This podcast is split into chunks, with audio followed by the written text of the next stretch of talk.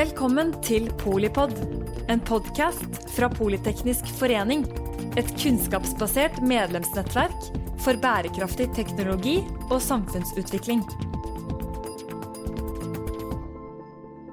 Velkommen hit eh, alle sammen. Vi skal altså snakke om utbyggingen av Oslo universitetssykehus. Alternative planer. Da begynner vi med OUS sin egen plan. Eh, Nemlig Fremtidens OUS. Og den som skal fremføre det, er medisinsk direktør ved, ved Oslo universitetssykehus, Einar Hysing. Deretter så kommer da et alternativ. Det fremføres da av sivilingeniør Eilif Holte og tidligere sjeflege ved Ullevål øh, sykehus, Rolf Kåresen. Så får vi et innlegg fra foretakstillitsvalgt ved OUS, øh, Åsmund Bredelid, om det vedtatte målbildet står i veien for å få til de beste løsningene. Og så kommer bydelsutvalgsleder for Sankthanshaugen bydel, Anne Kristine Krøppelin, som også er fra Oslo Høyre, og sier noe om bydelens uttalelse i forbindelse med sykehusutbyggingsplanene, og Oslo Høyre, som har laget en resolusjon i denne forbindelse. Og Så blir det paneldebatt, så blir det åpnet fra, for uh, spørsmål og kommentarer fra salen. Og så får hver av innlederne, som da sitter i et panel, de får en sluttkommentar eh, på en uh, ett til to minutter helt på slutten. Da ønsker vi velkommen medisinsk direktør Einar Hysing. Vær så god. Det er et uh, veldig stort og vanskelig uh, arbeid vi holder på med, som det har vært holdt på med i mange år. Så det er ikke helt enkelt å få alt på en kort tid, men jeg skal prøve så godt jeg kan. Det begynner med, med dette her. Altså, det har vært en prosess som dere sikkert vet om eh, hvordan man skal eh, samle regionsfunksjoner og, og sånn som har gått i 20 år ca. Og, så, og det kommer jeg tilbake igjen til litt på slutten, selve historien som ligger før 2016. Men det som er situasjonen nå, det er at ministeren har vedtatt eh, dette i et foretaksmøte at det som er målet, det er et samlet og komplett regionsykehus, inkludert lokalsykehusfunksjoner på Gaustad, et lokalsykehus på Aker, et spesialisert kreftsykehus på Radiumhospitalet og ny regional sikkerhetsavdeling på Ila. Og når de kom så langt i 2016, så overtok også Helse Sør-Øst prosjektet. Så fra og med 2016 så er vi i OS vi er med, selvsagt, siden det gjelder oss, men det er et Helse Sør-Øst-prosjekt, og som de i tillegg også da bruker sin organisasjon som de bruker ved sykehusutbygging, Sykehusbygg. Og det gjeldende målbildet det blir, kan du da fremstille sånn. Vi har da Radiumhospitalet der borte. Vi har Rikshospitalet Gaustad, som da skal ha tre bydeler somatikk, i tillegg til de spesialiserte funksjonene. Ullevål skal på sikt utgå. Og så er det det viktige som kommer opp i målbildet. Og da er det litt viktig å si at hvis dere husker diskusjonene bakover, så så lå ikke Aker inne i det OS jobbet med noen år, men så var ting ute på høring og ting ble ganske annerledes. Og man har satset på å ha et meget stort og viktig akuttsykehus på Aker, som på sikt skal dekke seks bydeler, hvorav fire bydeler i første byggetrinn, hvor det skal være en stor eh, fødeavdeling, det skal være all inneliggende psykiatri på, og, og rus. Og dette skal jo også samordnes da. Det skal være et stort akuttsykehus med spesialiserte indremedisinske avdelinger, kirurgiske, og skal også samhandle med det som også er vedtatt i tillegg, men som ligger i Oslo kommune, men hvor vi har halvparten, nemlig storbylegevakten, som skal bygges på, på Aker.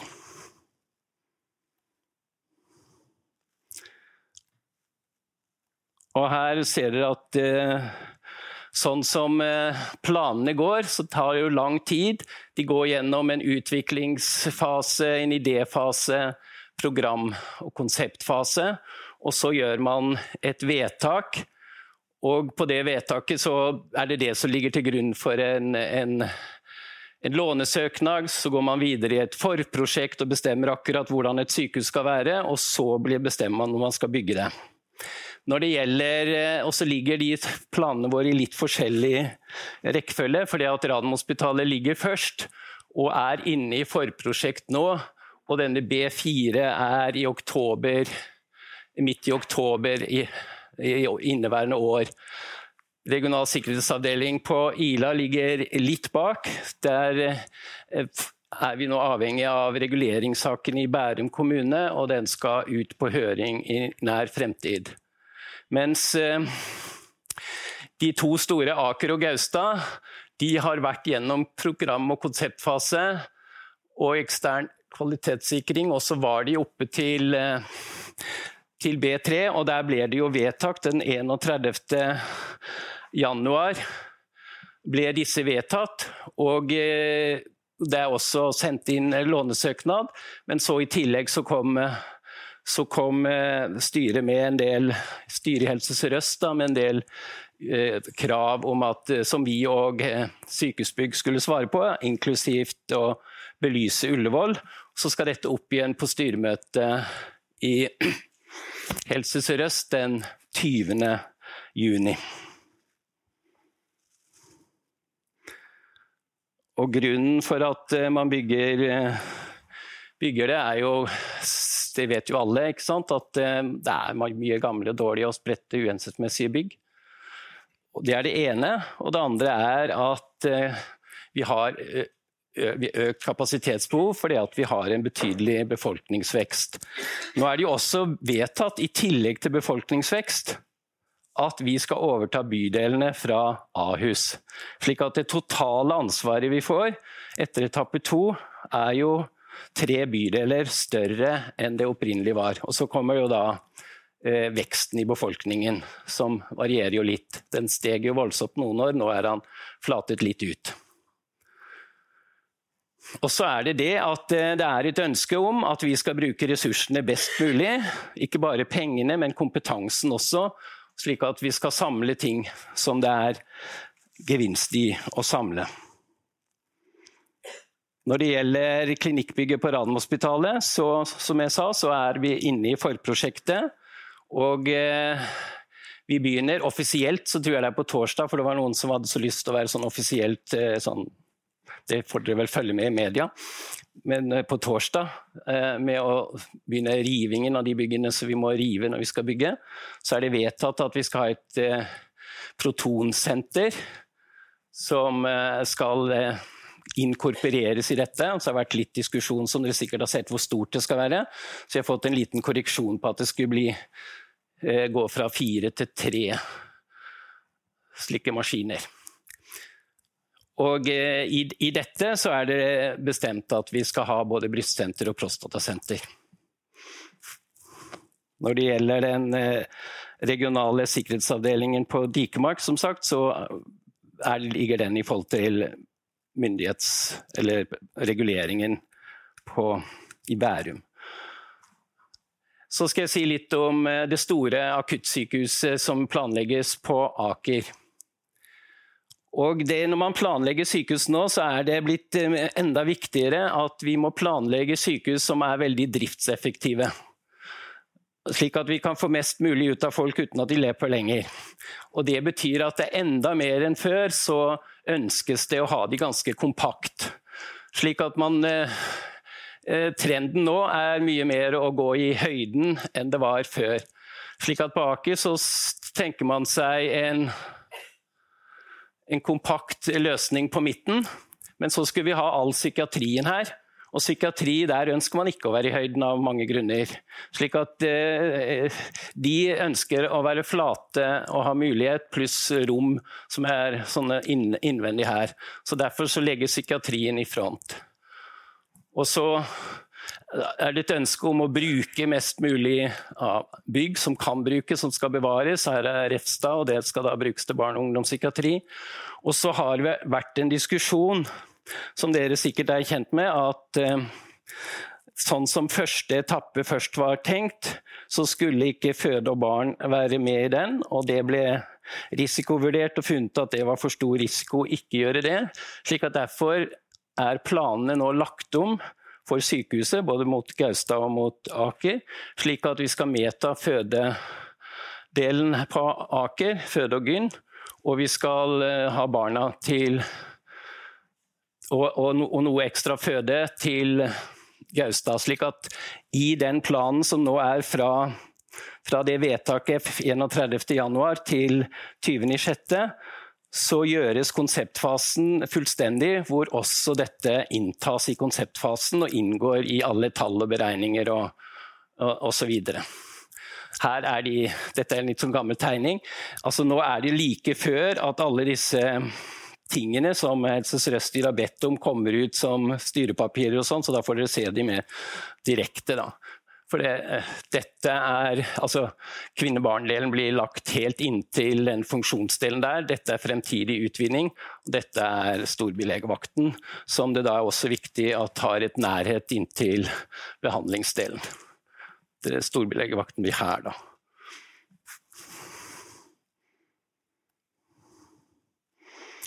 Ja, her står det litt om den, det kjenner dere sikkert til. Den eh, er jo i detaljprosjekteringen starter nå. og eh, og eh, der er det også snakk om å starte rivingen for det som ligger i veien. Og så skal de begynne å bygge, og den skal jo være ferdig i 23. Og i den så, så leier Oslo universitetssykehus eh, sånn vel halvparten av det.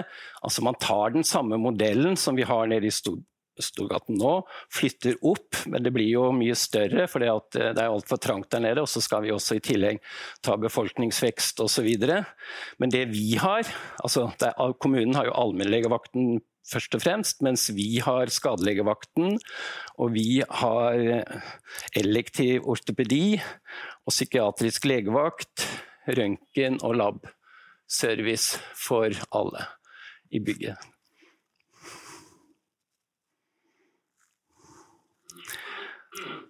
Når vi skal bygge, så er det en, uansett hvor vi skal bygge, og uansett om det er regulert fra sykehus fra før.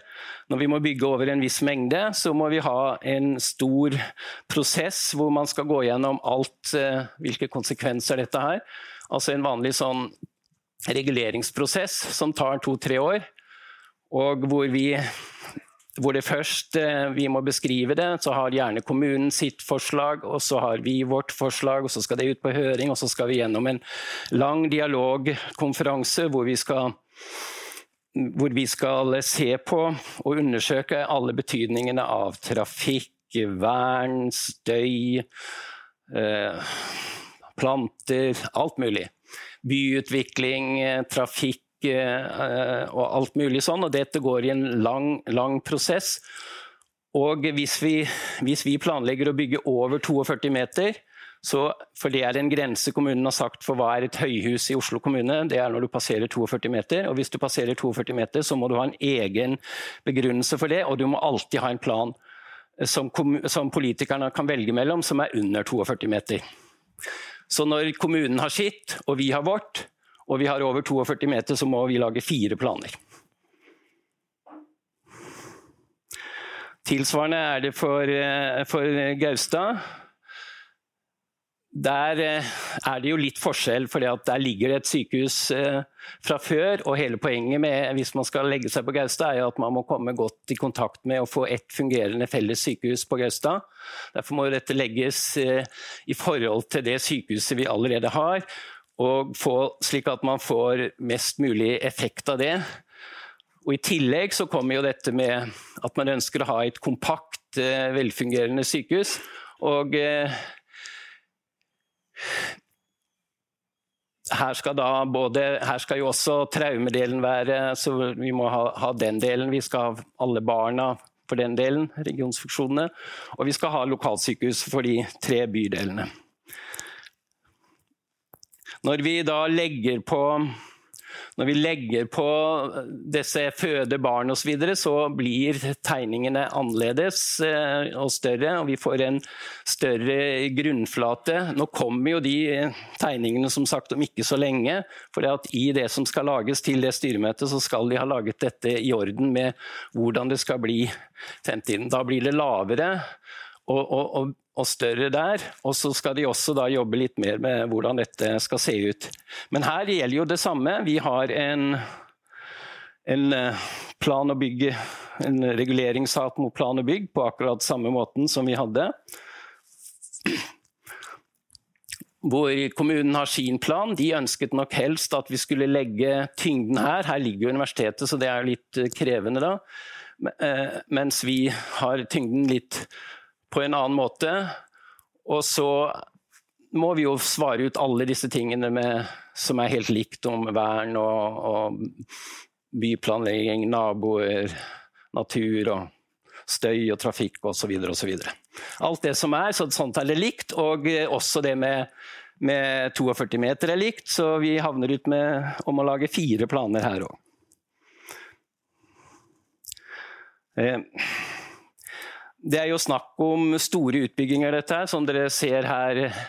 Eh, man er jo vært, jeg kommer tilbake litt om sånne kapasitetsgreier, men eh, man legger jo mye vekt på senger, men sykehus er jo ganske mye mer. Og andre tingene blir mer og mer viktig. Men det er snakk om store sykehus, begge deler. Store utbygginger.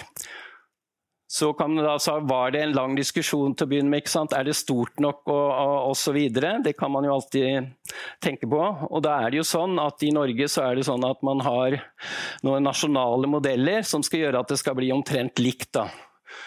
Altså slik at vi får samme sykehustilbud i de forskjellige delene av, av landet.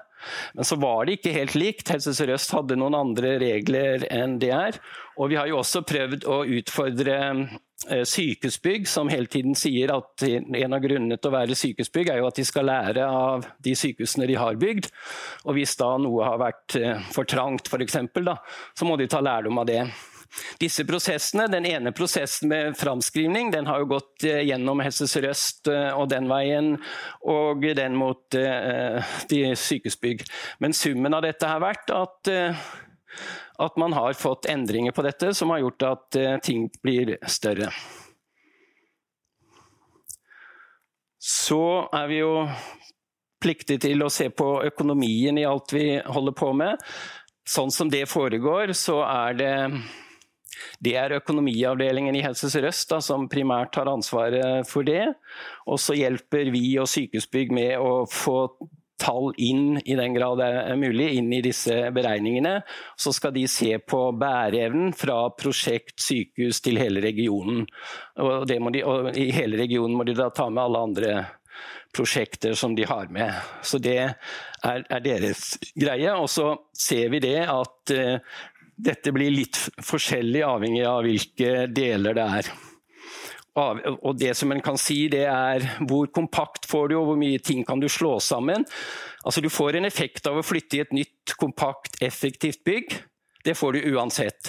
À la f.eks. Eh, Drammen nå, da. De, de, flytter jo ikke noe mer sammen, men de flytter inn i et nytt bygg, det samme som de nå har i det gamle bygget. Da får de den effekten. Og hvis du flytter noe sammen, du få, så kan du få effekt av det i tillegg. Da. Det er sånn hovedgreiene, og så putter man alle disse tallene inn. og Man ser det er litt forskjellig. Skal ikke, kan ikke gå inn i detalj på dette, for de som er interessert, kan gå inn i det. Vi ser at eh, det å bare flytte somatikken til Aker f.eks. er ikke økonomisk så, så, godt, men psykisk helsevern, eh, å samle det, det er betydelig bedre rent økonomisk. Så legges disse tingene inn i en sånn tabell. Denne tabellen her, den viser, den, den viser resultatet. De der pilene der er eiendomssalg, men de er ikke tatt inn i den linja der. Så de er liksom mulighetsrommet, men de er ikke tatt inn i den. Tilsvarende er det her. da hvor det er resultatet, og så er det teoretiske eller mulige salg som de legger inn. og Det er sånn Helse Sør-Øst beskriver økonomien i dette her.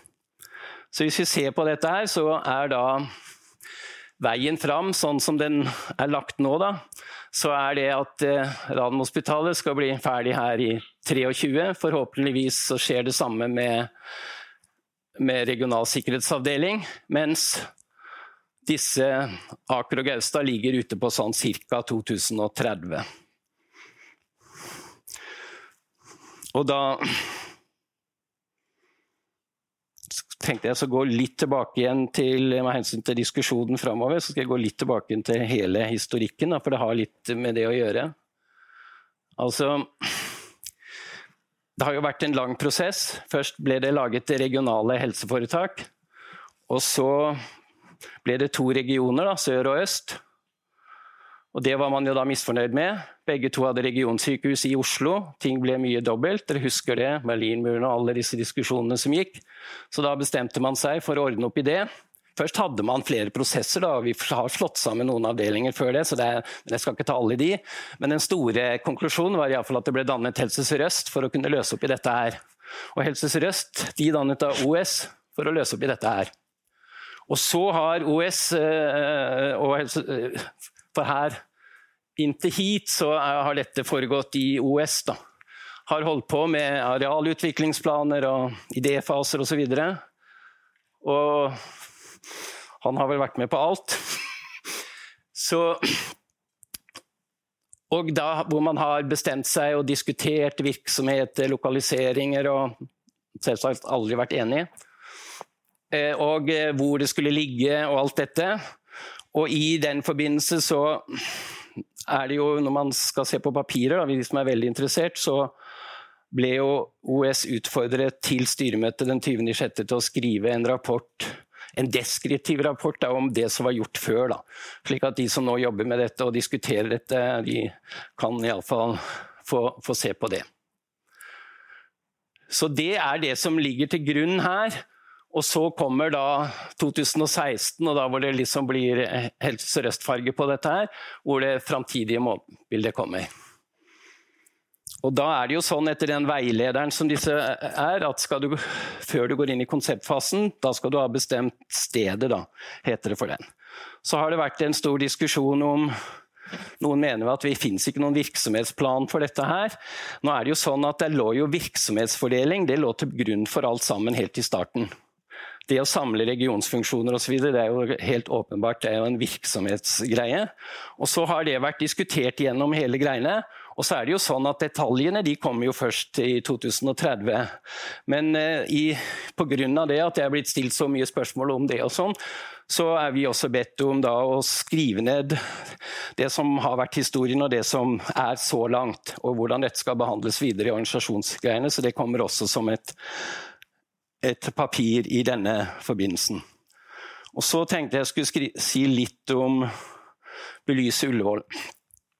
Der er det jo sånn at Helse Sør-Øst har fått Sykehusbygg har fått av Helse Sør-Øst eh, den oppgaven å belyse Ullevål. og Den rapporten kommer også, så vidt jeg har forstått altså den, den, er like før den nå skal sendes til kvalitetssikrer, og så vil den da foreligge om ikke, ikke lenger. Da.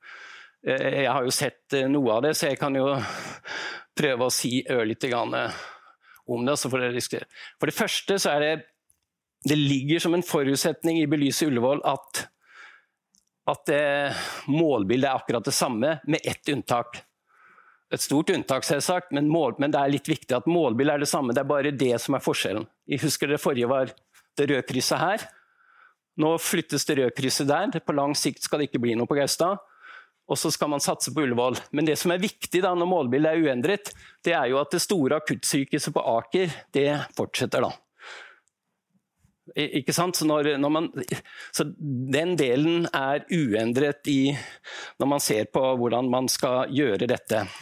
Det vil si at planene om det store akuttsykehuset på Aker blir beholdt, og tidsrammen for det blir beholdt. og Det får da betydning for når du ser på det med å belyse Ullevål. Og når man ser på, på, Ullevål, som dere blir sikkert bedre opplyst på etterpå når Parksykehuset kommer, og sånn, men sånn som jeg har forstått det, man ser på, på, dette, så ser man veldig grovt på tomt. Det er en stor tomt, ingen tvil om det. Og så har den et, eh, et, belte på midten med mye verne, vernede hus og noen vernede parker. Og da kan man tenke seg i, å bygge på to måter. da. Det er, eller tre måter egentlig, men det er to som er beskrevet mest. Da. Det ene er hvis man bygger, og det har de sett på i denne belysningsgreiene, hvis man bygger syd, så er tanken på å bygge syd det er jo at da man mulig, kan bruke mest mulig bygg som allerede nå er i bruk. Så husker dere at det var somatikk som skal forbli når du ikke har endra målbildet. Så Derfor har man sett på hvordan man kan bygge syd, og gjøre det.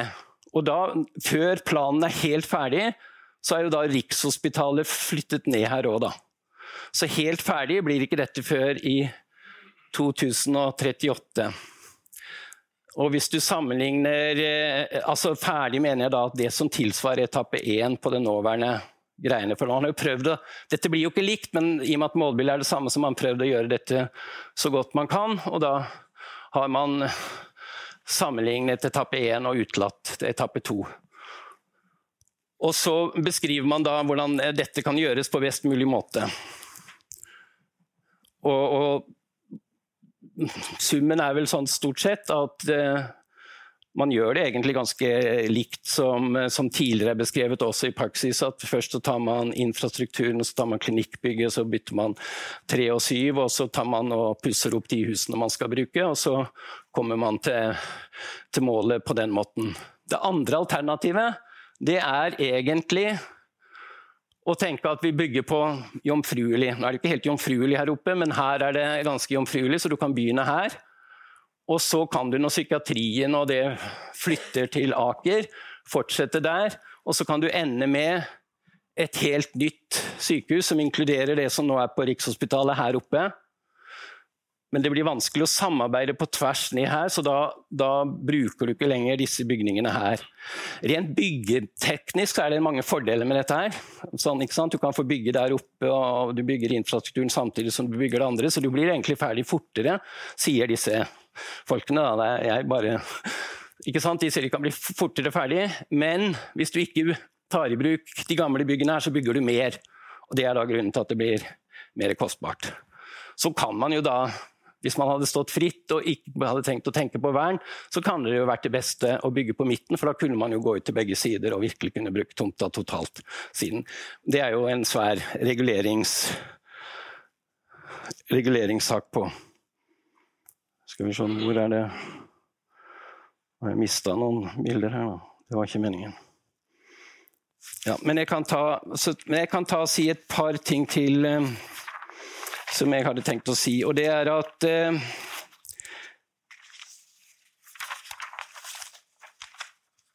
Jeg tenkte jeg skulle avslutte litt med å si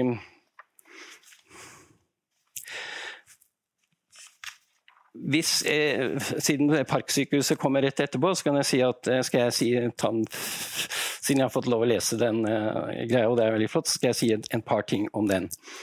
Det, altså, jeg skjønner jo godt at de som har eh, laget de bygningene, gjerne vil eh, vise hvordan de skal brukes i fremtiden. Og det som er fint, er jo at man har laga denne rapporten som gjør at vi kan bruke den og lese den og se hva vi kan få med det. Det er ikke så lett å sammenligne akkurat nå, fordi at man har valgt et annet målbilde. Det gjør det jo veldig vanskelig å sammenligne, for da planlegger man noe helt annet. Og, og det, store, det, er to store forskjeller i målbildet. Da. Det ene er at man samler ikke regionsfunksjonene, iallfall ikke de første 30 årene. Og man kan jo diskutere om da man samler de òg, det er litt avhengig av hvordan det blir på tomten. Og så endrer man på, på Aker sykehus. Man Istedenfor å ha et stort akuttsykehus som skal samarbeide, som skal ha all psykiatrien, fødsler, som skal samarbeide med legevakten, så legger man et lite sykehus for Groruddal-bydelene som også har liten egendekning. Altså ikke har de spesialiserte medisinene og ikke dermed kan samarbeide på, på den på samme måten. Så sier man da på Aker at at hvis man bygger mindre der, så kan man spare noen tomteutgifter, og så kan man, og så, og så kan man gå, på den måten gå fortere fram.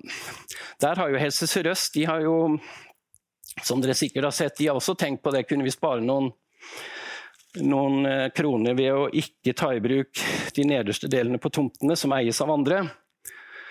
Da sier Plan og bygg til oss at hvis man gjør en så stor endring, i planforutsetningen for det vi planregulerer, for da må vi se på alt sammen, så må vi begynne på nytt.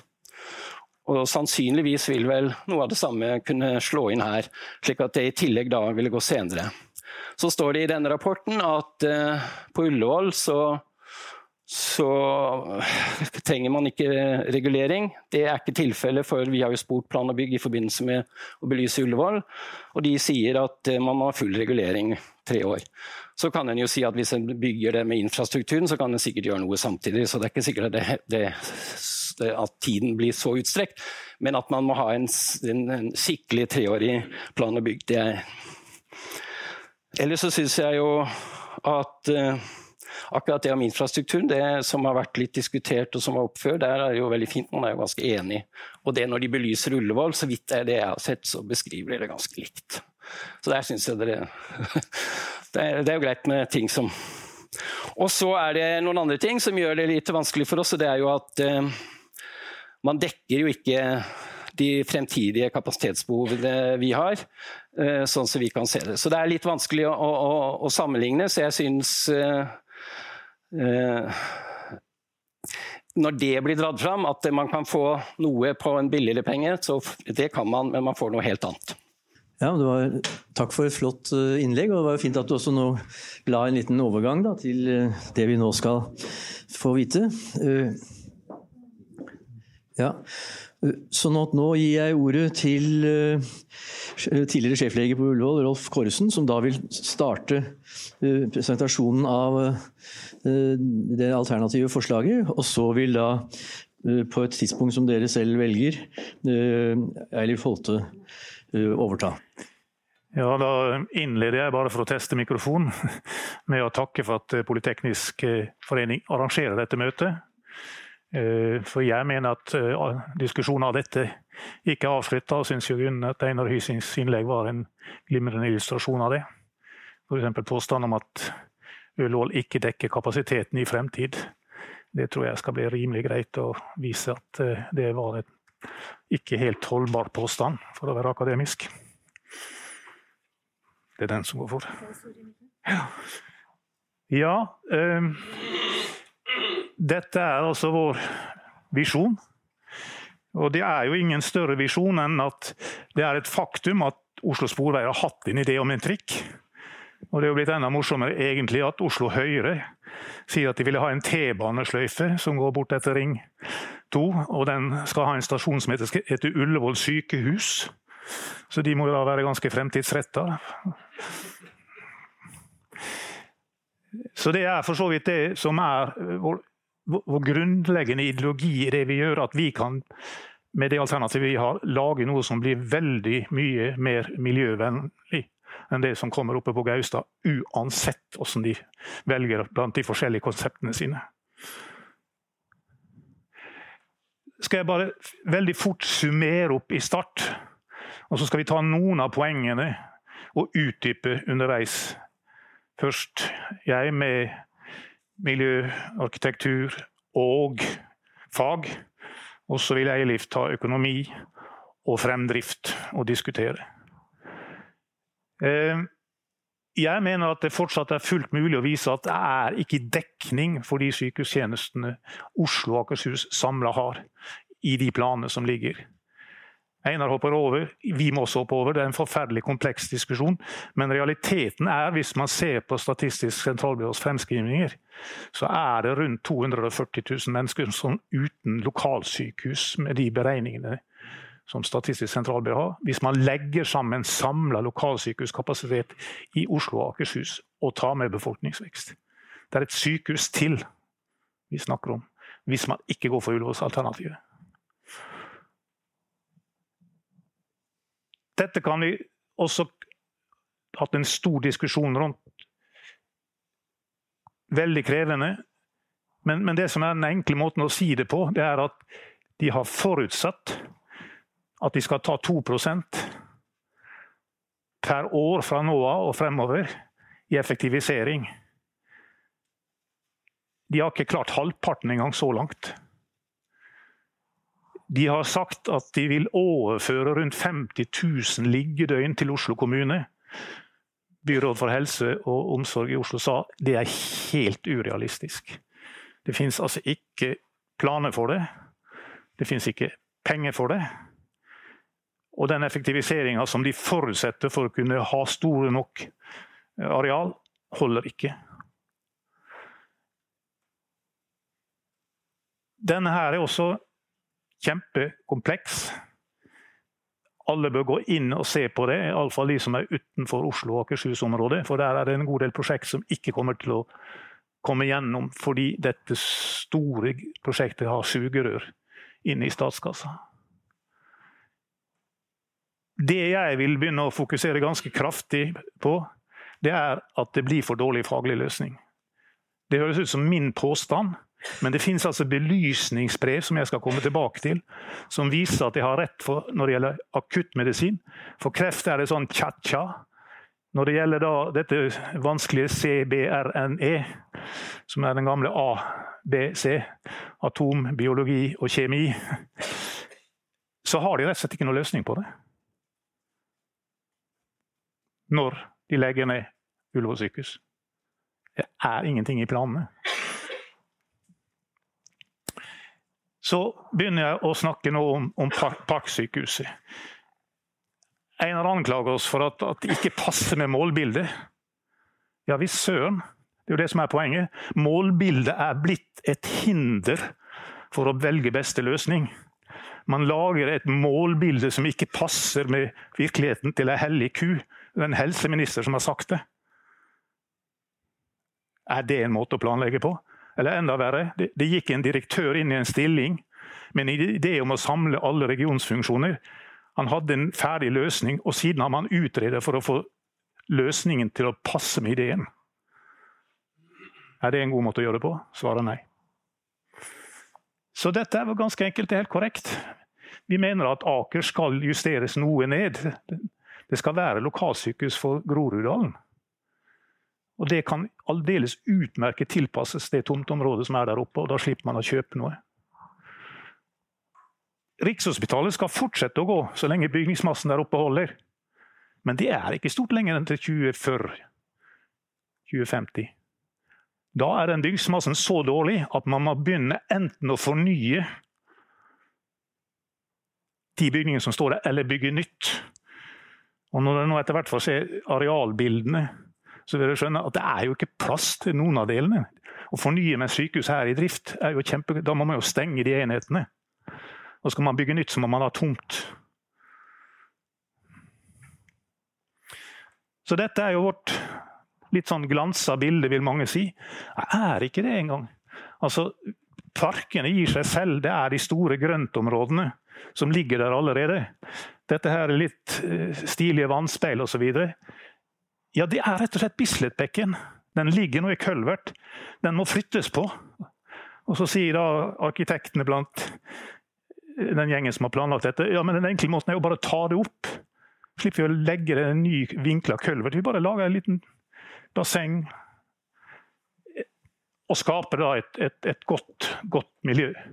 Og Så vil dere se at de nye byggene, stort sett under eh, nåværende bygghøyde, åtte, kan bli lavere enn det også, seks, ligger da blanda inn mellom de gamle freda byggene. De er ikke verre enn at de kan brukes til kontorarealer, Eh, ja, eh, studenter, hva som helst. Dere vil f.eks. kjenne igjen kreftsenteret der nede. Dere vil kjenne igjen det beste bygget omtrent som er på, på Ullevål, laboratoriebygget. Som er veldig, veldig funksjonelt. Og lett kan bygges om, og jeg skal komme litt tilbake til det.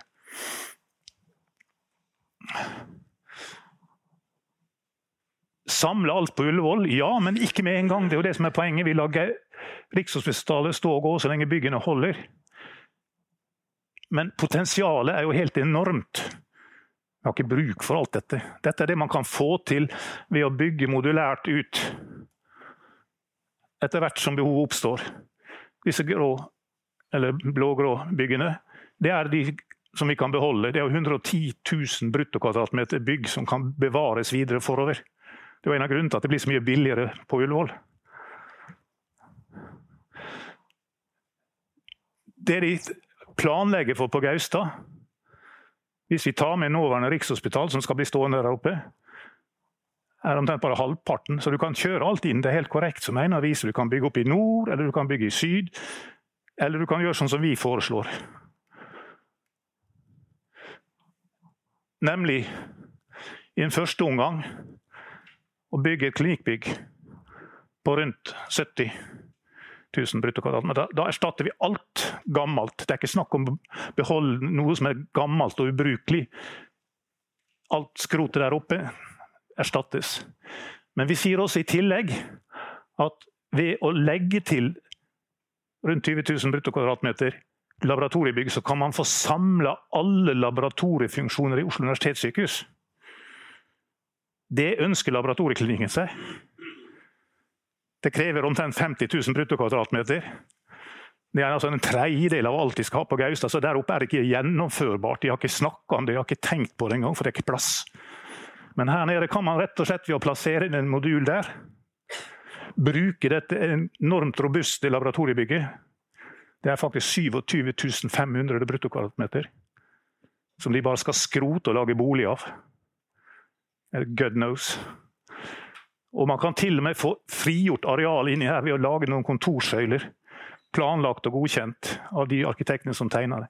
Altså Man kan samle laboratoriefunksjoner slik laboratorieklinikken i Oslo universitetssykehus vil, ved å gå for det alternativet vårt. For en meget billig penge. 22 000 brutto kvadratmeter er ikke fryktelig mye penger. Vi får et veldig godt, robust veisystem. Ullevål har allerede to hovedinnganger. Vi skal komme litt tilbake til På Gaustad et av problemene at så langt har de hatt bare én vei inn og én vei ut fra akuttmottak i en traumesituasjon. Nær galskap funksjonelt. Nå har jeg noen tanker som jeg skal komme tilbake til, som skal løse det. da. Men her kan man altså i tillegg, hvis man vil ha flere, så kan man koble seg og komme seg ut der oppe. Man kan komme seg til å komme inn herfra. Ullevål igjen har en plastisitet i en stor traumesituasjon som det ikke fins muligheter for å få til på Gaustad. Så skal jeg gå litt løs på, på konseptet deres, som egentlig fortsatt ikke er et ferdig konsept. Einar sier jo det. De skal ha litt barn der oppe, og så skal de gjøre noe med traume. Og det skal vi gjøre nå i løpet av mai. Og det skal være ferdig til 20. juni. Det er ikke et ferdig konsept. Det er en idéskisse underveis mot et konsept. Dette var jo da utgangspunktet deres, som da ikke slo helt godt an, for å si det litt forsiktig. 76 meter høye betongklosser som lå der og dominerte. Der de har liksom beveget seg Han sa jo det, innrømmer det. De har fire alternativ fortsatt som de driver og sjonglerer med som de ikke har bestemt seg for. Så det kan jo bli en interessant del av, av, av paneldiskusjonen. Hvilket konsept er det nå egentlig dere har tenkt å gå for? Just Ebbesen og Einar Hysing. Men ett av dem er altså å flyte utover plenen til Gaustad. Om byantikvar, riksantikvar, blir kjempebegeistra. Det de snakker fryktelig lite om, det er jo at de skal ha et logistikkbygg helt ned ved, Ringveien. Og det går igjen i alle alternativene. Så hadde de en variant hvor de skulle fjerne Domus Medica, altså universitetsbygget. Virker som de har skjønt at det blir for kostbart. Det blir dyrt tomt. De må altså rive et bygg og erstatte det med et nytt før de kan begynne å bygge nedover. Den planen som jeg antar er den de skal gjøre ferdig nå i løpet av våren, er denne her. Jeg bare antar, for det, for det, er ikke klart og tydelig for meg som har holdt på med dette lenge. Men det er altså en variant av denne høyblokksvarianten fra først 1A. Men nå har de altså sagt at vi skal ned i 42 meter. Det de da vil gjøre, er å bygge først et nytt inngangsparti. Så skal de bygge på innkjøringsplassen og så, en gang i 2030, omtrent, 28, gudene veit, så skal de komme seg videre nedover. Og da er de ned i Gaustadbekken. Og Det som nå begynner å bli ganske spennende med denne tegninga som ligger som styreorientering til Oslo universitetssykehusstyre, det er for det første så har de for første gang nå markert varemottaket sitt med kølverten som går helt opp til en teknisk sentral. Tenk det, her skal det sprenges. Tenk det. I tillegg så er det plutselig kommet en liten pil her Og nå prikk, prikk, prikk. Er dette utkjøringa som de må ha inn i grøntområdet mot Gaustadbekken? Da har de delvis tatt for seg plen mot Gaustad, delvis tatt for seg av det grønne draget fra marka. Og så kommer det. Så har vi plutselig fått en P-kjeller. Her skal det graves. De må ha mer parkering. De skal grave seg ned i den plenen som de ikke får lov å bygge på. Hvor mye masse skal det kjøres vekk for å få bygd på inngangspartiet? Hvor mye masse skal det vekk derfra? Tor Vincent som sitter der nede, har på min oppfordring grovregna på det.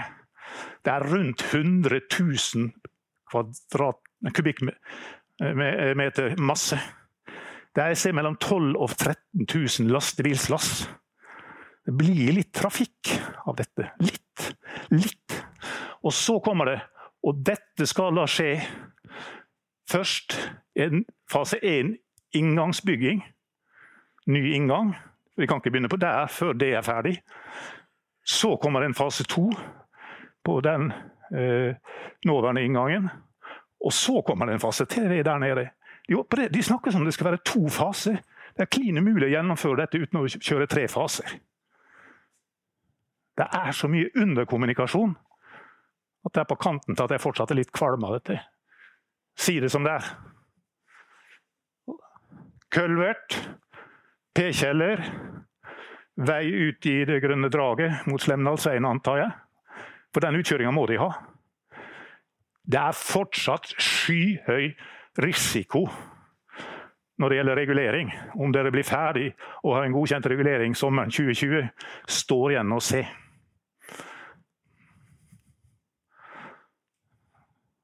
Og så kommer spørsmål som jeg gjerne vil ha et svar på i, i, i, i paneldebatten. Hvilket konsept er det egentlig dere skal jobbe videre med? Er det som jeg tror det er der borte?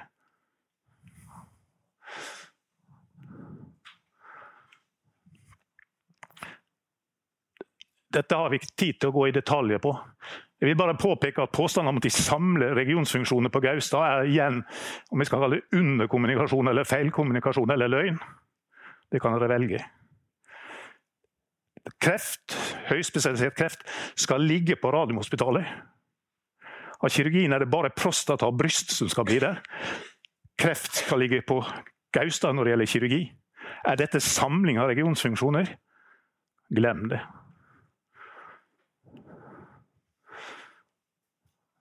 Det nevnte jeg innledningsvis. Vi går ikke i detalj. Nevnt i innledninga. Går ikke i detalj. Men det er betydelig overføring som kommunen ikke er klar for. Og som kommunen burde se mye mer på fortsatt. Men det jeg vil bruke litt tid på nå, er de funksjonelle problem med Aker Gaustad. Illustrert av brev som de ansatte nettopp har skrevet nå i april og mai 2019. Dette er de som har sett på driftskonsept for traume- og akuttmedisin. Hovedkonklusjonen. De valgte driftskonsept vil sammenlignet med dagens OS medføre svekket kvalitet i foretakets akuttfunksjon på lokalt, regionalt og nasjonalt nivå. Dette vil berøre akuttpasienter innen både indremedisin, kirurgi inklusiv traumatologi. Jeg mener at dette er ganske dramatiske utsagn. Dette må dere svare ut. Hvordan har dere tenkt å møte det? Kvalitetstapet fremstår som uunngåelig. Det er liksom bare å dra et takk til på tommeskruen. Og dette er egentlig enda verre. De antyder at det kan krysse forsvarlighetsnivå, det de holder på med. I Oslo universitetssykehus, Helse Sør-Øst-ledelse. Dere har et problem. Og det er stort. Så er det en haug med utdypende moment. Jeg skal ikke lese dem opp. Men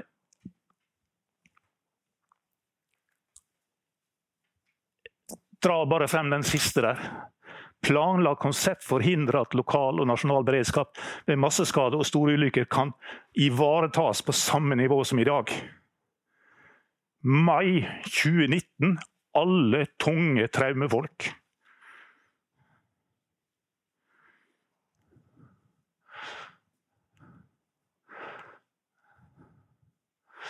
Restfunksjoner nede på Ullevål. Stort problem.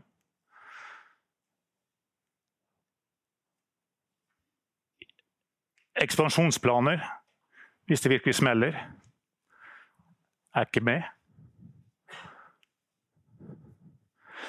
Og så vil jeg gjensette fingeren og gni ganske godt fordi det er et sårt punkt. Gruppen viser til tidlig innsendt notat som anbefaler høysmitteisolat, trykktank, beredskapsfasiliteter, altså disse såkalte CBRNE, gamle ABC, på Gaustad, og tilstrekkelige rensefasiliteter både på Aker og Gaustad. Hvor er dette i den konseptfasen som skal være ferdig i 20.6? Er det der? Spørsmål til panelet. Gjerne vite det. Dette er veldig tydelige advarsler. Kreft burde starta før. Fragmentert. Total, manglende totaloversikt. Dette er kanskje det alvorligste. Det er derfor det, alt jeg viser nå, er bare klipp og lim. Bortsett fra det jeg har satt rødt på. Rødfargen er min. De skal jo erstatte syv stålebunkere i kreftsenteret på Ullevål med strålesatellitter. Tre på Ahus, to i Skien, to i Kalnes osv. Men det foreligger ingen konkrete planer. Det foreligger ingen finansiering. Det er fugler som sitter oppå det kjente taket. Dette er liksom det forsvarlige Helse Sør-Øst-nivået som står for. Og igjen, TV står jo for tillitsvalgte og VO for, for verneombud. Dette er de ansatte. Dette er de ansatte som sier. Presentasjonen svarer ikke hvordan skal ivareta kvalitet i pasientbehandling, beredskap og utvikling av faglig kompetanse. Det er kjempealvorlige innvendinger mot noe som Einar Hysinger nærmest fremstiller som dette er jo ferdig og omtrent banka. Det kan vi jo ikke godta. Alt i alt fremstår planene for tidlig eh, kreftbehandling som, lite som, som uoversiktlige, lite sammenhengende og forskjellig ut fra hvem som uttaler seg og hvilke dokumenter man leser. Det finnes ingen tydelig rød tråd for kreftbehandling i fremtidens Oslo universitetssykehus.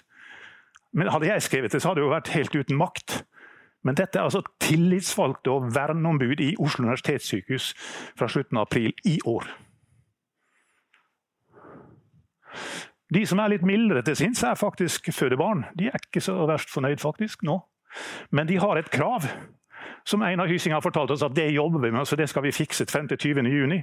Så skal de ha en plan på at de skal få 5000-6000 fødsler på Gaustad. Trangt var det før, og trangere kommer det til å bli. Det er min litt tørre kommentar akkurat på det. Men OK, får dere til det, så kan faktisk kvinnebarn begynne å bli rimelig fornøyde, sånn som jeg leser dokumentet. Og at det å samle barn oppe på Gaustad blir fint, det skjønner jeg. Men det kan man altså gjøre i Ullevålsalternativet også, hvis man vil gå for det. Så, så, så, det blir på en måte, løsningen blir den samme. Nå er jeg straks ferdig, men det har altså vært gjort en såkalt risikoanalyse. Eh, eh, en dag satsa de på å gå gjennom hele greia for å finne ut om det var forsvarlig eller ikke. Og Konklusjonen for fra alle de tre tunge hovedorganisasjonene. Altså tillitsvalgte for 20 000 ansatte samla. Kan dere nesten lese selv, men jeg kan jo lese høyt. siden det er litt avstand bakfra. Konklusjonen blir at premissene som legges til grunn for Ross-analysen, medfører at analysen og konklusjonen ikke har noen nytteverdi i en belysning av Ullevålsalternativet i konseptfaseutredning. Etter vårt syn bidrar ikke ROS-analysen til å kartlegge det potensielle mulighetsrommet for reell utredning av areal- og virksomhetsmulighetene på Ullevålstomta. Organisasjonen oppfatter arbeidet som et ledd i en styrt prosess med et forutbestemt resultat. Altså det samme man har holdt på med siden 20, iallfall 16. Det er ikke noe nytt. Men sånn opplever de ansatte. Da overlater jeg resten til deg, Elif. kan du konkludere og fortelle hvordan det går med økonomien. Tusen takk for et flott eh, innlegg, og da overlater vi ordet til sivilingeniør Eilif Holte. Eh, skal jeg gå, være ganske rask for å, å holde tiden rimelig. Eh, når det gjelder, Nå har jo Rolf vært inne på en del av, av, dette med, også med økonomi. Det som vi har basert oss på, er nøyaktig de samme nøkkeltall som det som opereres med konseptanalysen. Sånn at eh, det er sammenlignbare, iallfall når det gjelder økonomiske størrelser. Um, og uh, vi baserer oss da ikke på at det er nødvendig å selge noen tomter. Det er en fordel. Det betyr at du har en større frihetsgrad senere til å kunne, kunne disponere tomtene. For på et eller annet tidspunkt så blir det også, hvis i Gaustad-alternativet, så blir det tomtemangel. Det har jo Rolf vært inne på. Og hva gjør man da? Hvis man har solgt tomtene. Det er ikke det som er en smart eh, løsning. Hvis man ser på de som driver med eiendomsutvikling i Oslo, så, det det de, så holder de på tomtene, ikke selge dem ut. Og den, eh, de salgsgevinstene vi snakker om, det er jo eh, mindre enn usikkerheten i anslagene. Ehm, på, eh, dette er investeringstallene sånn som vi er presentert i den rapporten vi har lest. Og tilsvarende er det da sammenlignbart, og det har vi redegjort for i Aker Ullevål. Og Forklaringen er jo at vi bruker jo da mer av de eksisterende, fremfor som på eh, Aker Gaustad-modellen, hvor man bare skraper hele Ullevål og eh, selger tomten. Den finansielle bærekraften den er da knyttet til at vi benytter altså realverdiene, og så er det også en forskjell i driftsøkonomi. Nå vil ikke vi påstå at disse tallene er endelige og riktige. Det som har vært hovedpoenget ved denne rapporten vår, det er jo å belyse mulighetene. Fordi det som har vært, eh, og som jeg syns har kommet godt frem i dag, det er at man har altså da gjennom et vedtak eh, hos statsråden, så har man altså besluttet å diskvalifisere eh, en, en løsning på Ullevål uten at man egentlig har sett på hva er eh, konsekvensene av det? I, i sånn, og der er det tre hovedtemaer. Det ene er risiko på regulering. Man kan snakke om at det er forsinket regulering på eh, eller at det kreves regulering på Ullevål, men vi har tatt det med i betraktningen nå. Men det er stor risiko for reguleringsarbeidet på, på, på Gaustad. Spørsmålet om vi i det hele tatt får aksept for dette. Og så eh, Ja, så kort oppsummert så er det altså fordeler. og krever 20 milliarder, altså jeg vil heller si 20 000 millioner. Altså Vi snakker om store beløp. Og det er så store beløp at man ikke kan overse det bare ved å si det at det tar litt lengre tid med det ene eller det andre. Det er faktisk en økonomi her som er ganske betydelig. Og øh, øh, ja. Når det gjelder planstatus, det skal jeg ikke gå så mye inn på nå, fordi vi har, vi har, vi har altså tatt hensyn til i, i, vår vurdering. Det gjorde vi ikke i rapporten, men vi aksepterer at det kreves en, en omregulering på eller en ny reguleringsplan på Ullevål, men det er jo tross alt en, en tomt som er til sykehusformål i dag. Slik at risikoen Reguleringsrisikoen er mye mindre. Selv om det tar tid, så er risikoen mye mindre enn det som er på Gaustad. Så det, dette er jo det som eh, vi har sett på som fremdriften eh, på eh, Aker Gaustad. Og vi med altså en ferdig fase 1 på Gaustad 29. Og det er det vi mener vi kan klare, gitt at man må ta full regulering på Ullevål, så vil det allikevel være mulig å ferdigstille Aker mye tidligere, og at Gaustad eh, eller Ullevål blir ferdig samtidig med enten det er Gaustad eller Ullevål. Så er det dette med risiko. Og jeg har jo tillatt meg da i jeg har jobbet med, for øvrig med kvalitetssikring av statlige prosjekter i 20 år, så jeg har jo sett en del. Og Eh, den rapporten som foreligger, som riktignok er kvalitetssikret av eh, PricewaterhouseCoopers, den påpeker en rekke risiko og svakheter ved beregningene som er gjort. Der, og det er jeg enig i, men der hvor vi skilles, det er at de, PricewaterhouseCoopers konkluderer med at det er greit å gå videre, selv om det er store risiko, mens jeg mener at de er for store til at du kan akseptere det.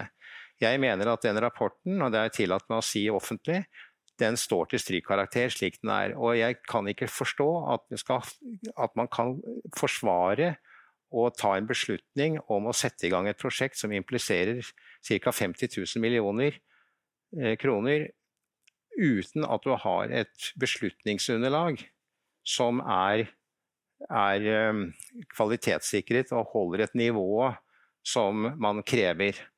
Og Det er underlig at styreformann Gjedrem i Helse Sør-Øst, som har vært sjef for Finansdepartementet, og som kjenner veldig godt de kravene som stilles til kvalitetssikring, at han ikke legger samme list på, eller samme krav på, på, på, på denne planen som de holder på med, som han har gjort mens han har vært i Finansdepartementet. Går ikke nærmere inn på det. Um, det er jo, og så er det dette med problemene knyttet til motstand mot fag, eh, fra faggruppen. Det skal ikke jeg gå inn på nå. Eh, men det som jeg syns er underlig, det er at man bruker sånne argumenter som at det tar litt lengre tid med regulering, og eh, at man har allerede fastlagt et målbilde, altså må du på en måte fortsette, selv om det målbildet altså har mange svakheter.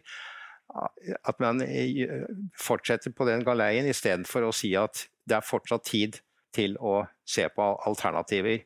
Og så kan man jo si, hvis man aksepterer å utrede, og det er det vi ber om, ikke noe mer, vi ber om at statsråden ber om en utredning av Ullevål på samme nivå som Gaustad.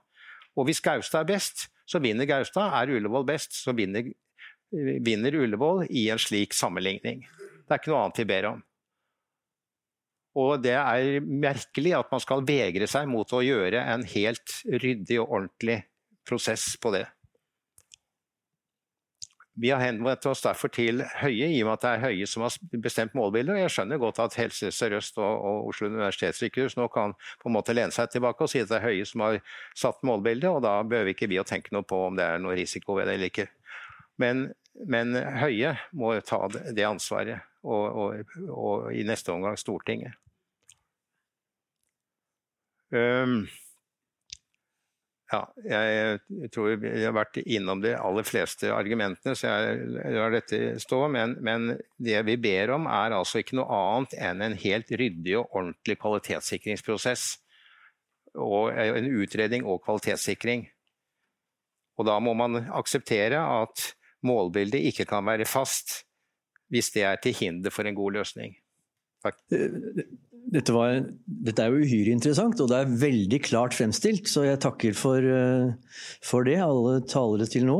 Og nå får vi nå foretakstillitsvalgt OS Åsmund Bredeli, som skal kommentere dette her fra uh, arbeidsstokkens side. Ja, vær så god. Takk for det. Hører dere meg? Ja. Um, jeg har ti minutter. Jeg tror det kan bli enda kortere, fordi at veldig mange av de eh, problemene jeg har tenkt å påpeke, de er allerede belyst. Og så tror jeg heller vi skal prøve å bruke mer tid på, på diskusjon og spørsmål, for det kan også kanskje være litt oppklarende på en del områder. da. Jeg endra litt på overskriften eh, sammenligna med det som eh, ble sendt ut. For det er jo egentlig, fra fagmiljøenes side så er det jo egentlig dette det handler om. Eh, om målbildet, som har vært nevnt flere ganger, egentlig dypest sett i det lange løp står i veien for god og forutsigbar pasientbehandling.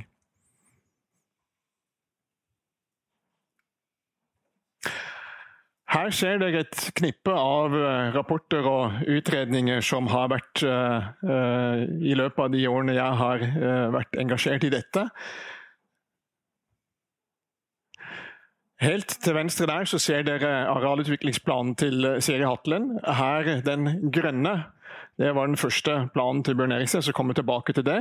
Og Her ser dere en slags uh, revidert versjon, der man til og med så skifta man navn på det fordi at det ble så problematisk med den grønne som kom. og Da endra man navn på det og fikk uh, tittelen 'Fremtidens OUS'. Da. Dette var en konkretisering etter høring, og det er jo dette vi står her egentlig og diskuterer i dag. Siri Hatlen hun var jo direktør hos oss uh, i et par års tid. Og I all korthet så eh, planen hennes gikk ut på, i, eh, kort oppsummert, altså vi utvikler sykehusene og starter med å fornye et klinikkbygg på Ullevål. Egentlig det samme som ble vist av den ekspertgruppen når de har presentert uh, Park-sykehuset. Og Så ble det konkludert med at en samling eventuell samling, det må skje senere, når Rikshospitalets bygningsmasse er eldre. Og det viktigste av alt, kanskje, man konkluderte ganske tidlig med at tomten på Gaustad den er altfor liten til et samla sykehus. Uh, Bjørn Erikstein han, uh, kom med den idéfaserapporten. Det var den grønne som jeg viste. Jeg skulle hatt den der oppe. Eh, han hadde da en visjon med seg inn når han ble direktør hos oss. Han ville altså legge Ringveien i tunnel og samle alt på Rikshospitalet. I media så ble det omtalt som, eh, som elefantsykehus og megasykehuset. Det var nesten ikke grenser for, for hvilke adjektiver man måtte, bruke for å få det beskrevet. Og Det har jo kommet frem at uh, vår nåværende direktør hadde med seg denne visjonen fra egentlig lenge før han ble direktør i OS. Han satt jo og tenkte på dette mens han jobba i departementet. Uh, og um, her står det dette er noe jeg har tenkt på i fire-fem år. Jeg fikk ikke fred før jeg fikk avklart om det er mulig. Når det nå viser seg at dette kan være det, er dette noe vi må se nærmere på, fortalte han. Det var altså når han starta idéfaseutredningen i 2013. Men det viser seg at det var ikke mulig å få til. Det kom veldig mange innsigelser på det. Eh, Bl.a. dette fra Vegvesenet og en del ting som man kanskje burde sjekke ut idet man starta å bruke ressurser på den utredningen. Eh, det var en gang til. Og så endte alt dette her plutselig opp med da 24.6.2016 en samling på gressplenen utenfor Aker sykehus, der Bent Høie og Siv Jensen som representanter for regjeringen sto og fortalte at helseministeren bestemmer målbildet for OS. Og Da er spørsmålet hvordan kunne dette skje? Eh, ja, her, før vi kommer dit, så ser dere her et uttak fra, eh, foretaksmøtet der dette ble eh, si, befestet. Kort fortalt samle regionsfunksjoner på Gaustad og lokalsykehus på Aker. Dette skjedde egentlig uten, etter vårt syn, en ordentlig prosess og en ordentlig vurdering av alternativene. Og Her ser vi jo to veldig fornøyde karer. Uh, Bjørn Eriksen smiler godt til uh, helseministeren, som virker veldig fornøyd.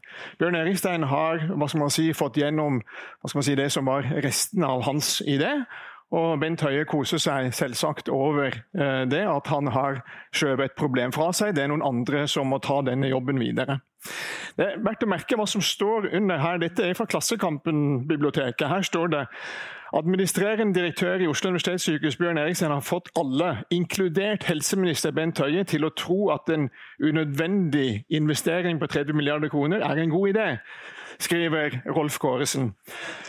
Uh, ja. Og så, uh, Dette skal jeg hoppe over, for det var Olf Kåresen inne på. Men dette er altså illustrerende for mange av de problemene fagmiljøene representert ved de tillitsvalgte har sagt ifra om i mange år, og som vi fortsatt sier ifra om. Dette hadde du på din presentasjon, uh, Kåresen, så jeg skal ikke gjenta det. Men det er i alle fall veldig urovekkende at fagmiljøene har sagt ifra om den faglige risikoen for dette i mange mange år, og man velger altså å ignorere det totalt. Det er skremmende. Eh, så vil jeg snakke litt om hva som hadde vært et ønsket utredningsforløp. Da. Og Det hadde jo da vært at vi la befolkningens behov til grunn. Og når vi hadde funnet ut hva behovet var, inkludert befolkningsveksten også utover 2028 og 2030, og aktivitetsveksten som følge av det, så burde vi tenke gjennom et driftskonsept eller en virksomhetsplan. Og så kunne vi begynne å tenke på hvilke bygninger har vi behov for for å kunne uh, utføre disse tjenestene. Og Deretter så kunne man kanskje sett på hvilke tomter var best egnet. Det som imidlertid har skjedd, det faktiske utredningsforløpet her, det er jo det at man har begynt med å velge tomter. Eh, og så har man sett på mulige byggløsninger. Og så prøver man veldig sterkt å si, lage driftskonsepter eller løsninger som passer inn i mulige byggløsninger på et forutbestemt tomtevalg. Og Det betyr jo i praksis at da kommer jo gjerne befolkningens behov helt nederst her. da. Uh, og Det som også har vært kommentert tidligere, det vi ser, det som kommer inn her og låser det hele, det er jo målbildet. Målbildet låser på en måte driftskonseptet. Uh, og, vi, og, jeg er ikke helt sikker på om, om det målbildet som sagt er gode løsninger for befolkningens behov. Her ser vi det behovet, uh, altså prosentvis økt sengebehov fram til 2035. Dette er fra Helse Sør-Øst sin utviklingsplan. Og vi ser det at det er et ganske stort behov. Dette er et gjennomsnittlig behov av det sengebehovet som Helse Sør-Øst selv har estimert frem til 2035. Her ser vi bare for Ahus sin del de vil ha behov for rundt, totalt sett rundt et par hundre senger i overkant av det frem til 2030. Det finnes ikke planer for hvordan det skal håndteres, verken økonomisk eller på andre måter. Eh, og vi ser også når det gjelder Oslo, eller hva si, sentrale østlandsområdet, så ser vi at vi ligger ganske lavt i antall senger per 1000 innbyggere. Vi ligger i snitt på 1,5, mens resten av regionen ligger rundt to senger per 1000 innbyggere. Dette forteller ganske mye om behovet for reservekapasitet fremover, som det også har vært omtalt i forbindelse med at man ønsker en utredning av Ullevål. Så til dette med belysningen, da. Um, som eh, jeg er veldig skeptisk til, som dere skjønner. Målbildet tar altså utgangspunkt i Gaustad som tomtevalg. Det var det jeg viste i sted, med, med si, en ideell uh, utredning versus en, en, som man har bestemt seg på forhånd. Så målbildet låser egentlig det hele. Man uh, lage en hel rekke med uhensiktsmessige løsninger. Altså det er, hovedproblemet er jo det at man deler opp det svære akuttsykehuset og skal plassere det på to tomter som totalt sett er altfor små. Det betyr at ting som hører sammen, splittes opp, og vi får dårligere pasientforløp og dermed også antagelig dårligere pasientbehandling. Så det man gjør her, man kopierer egentlig det vedtatte målbildet på en annen tomt. og Det sier seg selv at da blir det dårligere løsninger og antagelig også dyrere løsninger. Og Det som er poenget her, det er jo det at, at, um, at man må jo gjøre en, en, si, en utredning av Ullevål ved et justert målbilde for å se hvordan behovet kan uh, realiseres med tanke på løsninger og både fag og økonomi. Til slutt et løsningsforslag som vi har messet om i mange år. Start med utbygging av lokalsykehus Baker. Både Ahus og Ullevål trenger avlastning. Det gjør vi. Vi må få utreda mulighetene for en gradvis samling på Ullevålstomta. Og så tilbake til det som for så vidt Eilif Holte avslutta med. Da kan man sammenligne de to alternativene, Gaustad versus Ullevål, og velge den best egna løsningen. Både i forhold til eh, pasientbehandlingen og virksomhetsløsninger, og dypest sett pasientens behov. Takk. Glimrende oversikt. Og nå får vi det siste innlegget, som er ved bydelsleder Sankthanshaugen bydel, eh, Ann Kristine Krøppelin som også representerer Oslo Høyre, som har laget en eh, resolusjon i denne forbindelse. Vær så god. Takk. Ja, altså mitt navn er altså Anne Kristine Krøplin, og jeg um, er leder for bydelsutvalget på Sankthanshaugen. Så jeg er da den øverste lokalvalgte fra Høyre. Um, uh, jeg representerer da altså bydelen og ikke, ikke noen andre. Eh, jeg falt bokstavelig talt inn i denne, dette problemet med Ullevål sykehus. Som de andre gode eh, Som, andre, som vanlige høyrefolk, så eh, la jeg nok i utgangspunktet til grunn at eh, helseforetaket eh, hadde gjort eh, gode og fornuftige vurderinger, og tenkte at det var trist at, eh, at, skal, at all virksomhet skal flyttes ut av bydelen. Men det var ikke før jeg falt på ski og havnet bokstavelig talt på Ullevål sykehus, eh, og ble ufrivillig lagt til en Facebook-gruppe Eh, med Red Ullevål sykehus at jeg begynte å sette meg inn i saken. Og da oppdaget jeg at alle de legene på Ullevål som ikke hadde hatt mer enn tre minutter kanskje til å se på skaden min, plutselig hadde en halvtime til å fortelle meg hva de mente om dette prosjektet. Men, men, når det er sagt, så, jeg, så, kjenner jeg liksom litt på at i dag at jeg skal jo da egentlig, til tross for at jeg er politikeren her, så skal jeg da være den som er minst politisk. For jeg skal nå egentlig bare snakke om det som foreligger av um, av resolusjoner. Og Det er uh, forventningene, og det som er Oslo Høyres forventninger og, og til en grundig analyse av Ullevålsalternativet.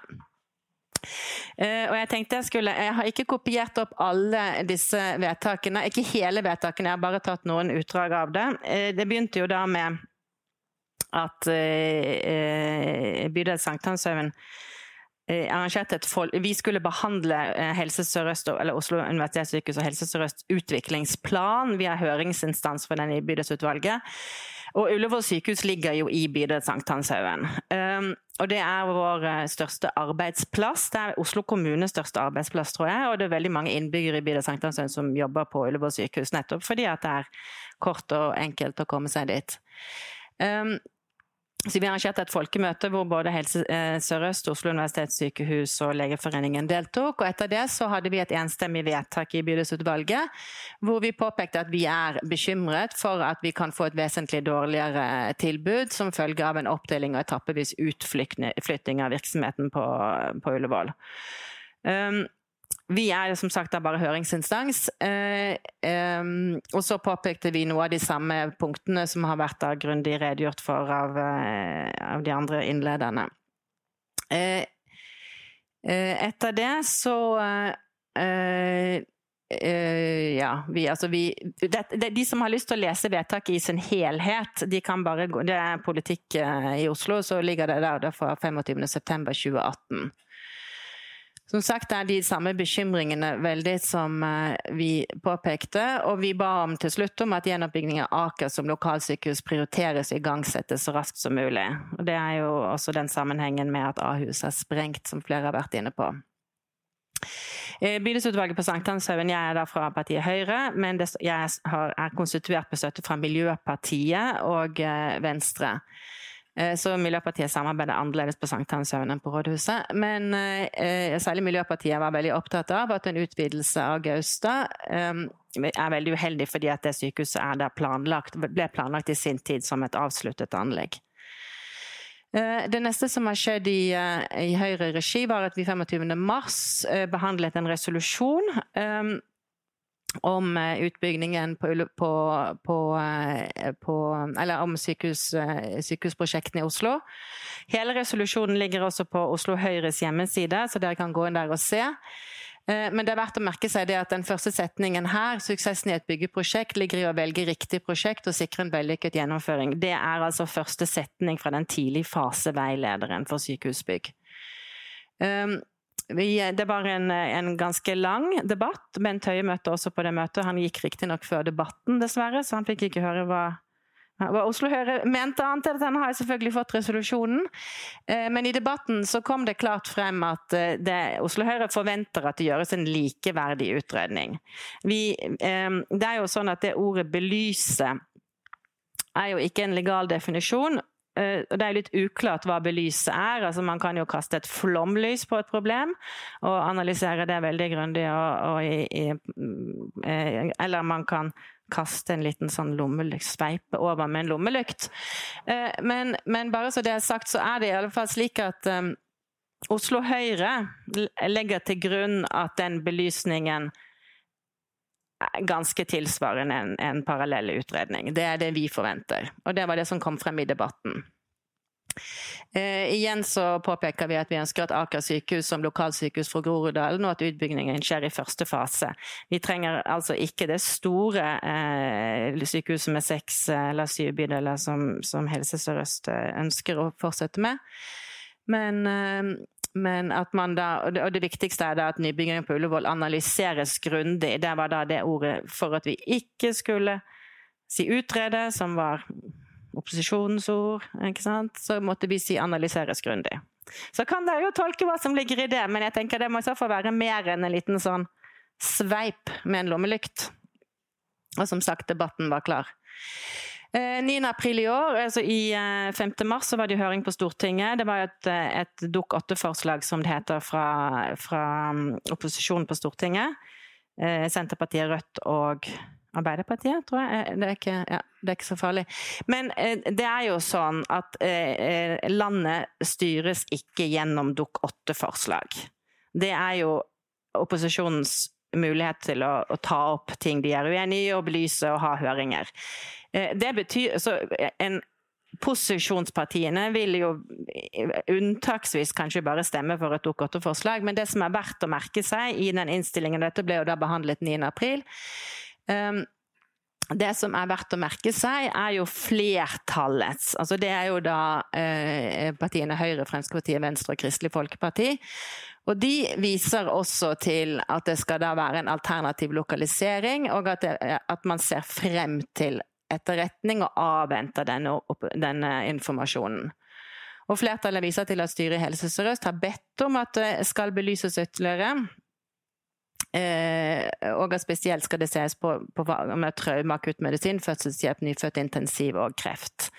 Så det er mitt helt klare inntrykk, eh, og det, jeg sier det er mitt inntrykk, eh, at man forventer mye mer enn en sånn eh, enn at bare kastet litt lys over. Og hvis vi da tenker at som jeg sa, Oslo Ullevål sykehus er Oslos største arbeidsplass, og den største arbeidsplassen tror jeg både i bydelen og i Oslo.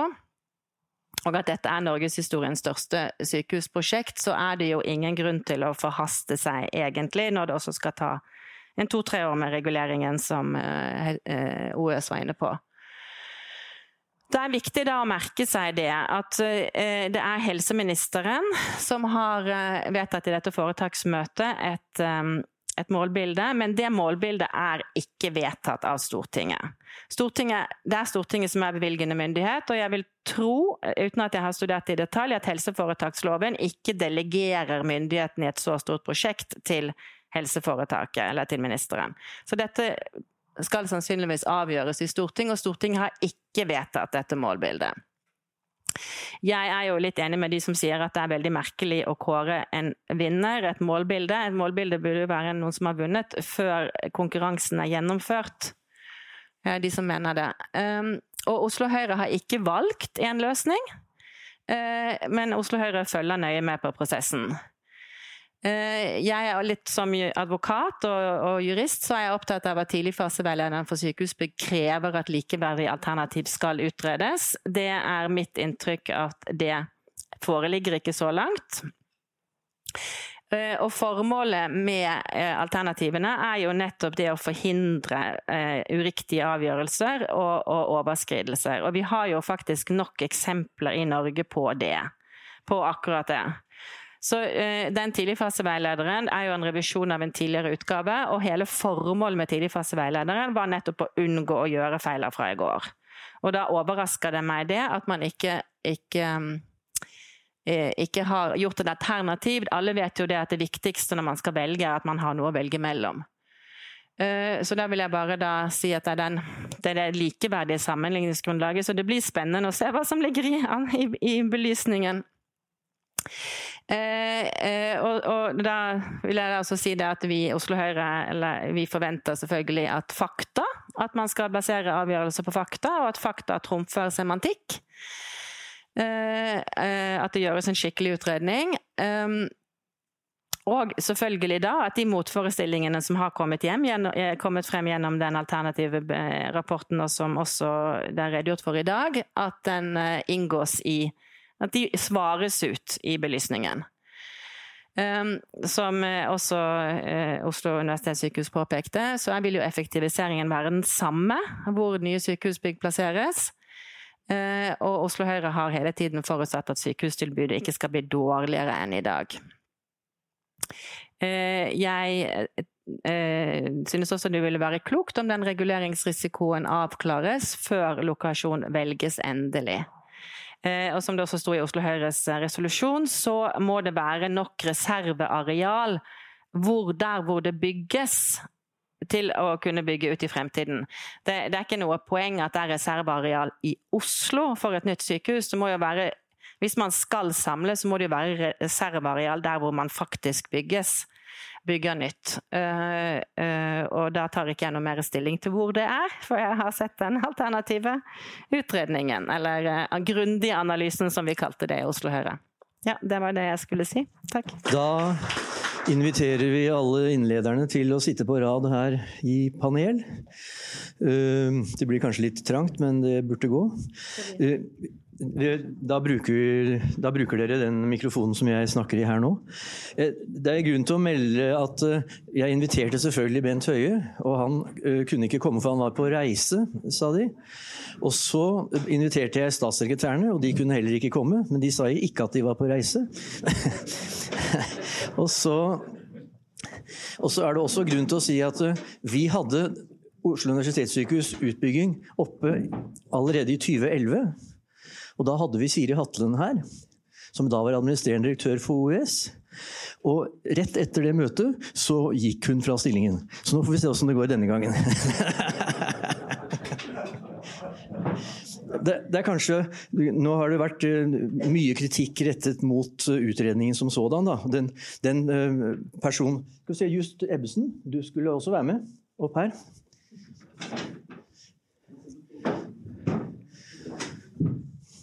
Skulle akkurat presentere deg, og så så jeg at du ikke var der.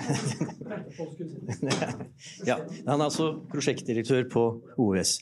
Jeg syns det er grunn til å gi ordet først til, eh, til deg, Einar Hysing, som nå Ja, det har jo vært rettet en viss kritikk mot eh, det som dere har holdt på med, så vær så god. Ja, og da vil jeg vel tro at det er det som er grunnen til at jeg går nå, da. Men saken er jo den at jeg blir 72 år og har bitt meg til, til bordplaten så lenge jeg kan. Men eh, nå må jeg bli pensjonist, så derfor overtar, overtar just. Så det er nok ikke som følge av kritikken. Men endring får dere jo. Og dette kommer jo til å vare i, i ja, 10-15-20 år til, så, man, så dette er vanskelig å si at eh, man skulle gjerne vært til man hadde fullført. Altså Det er jo sånn hele tiden da at uh,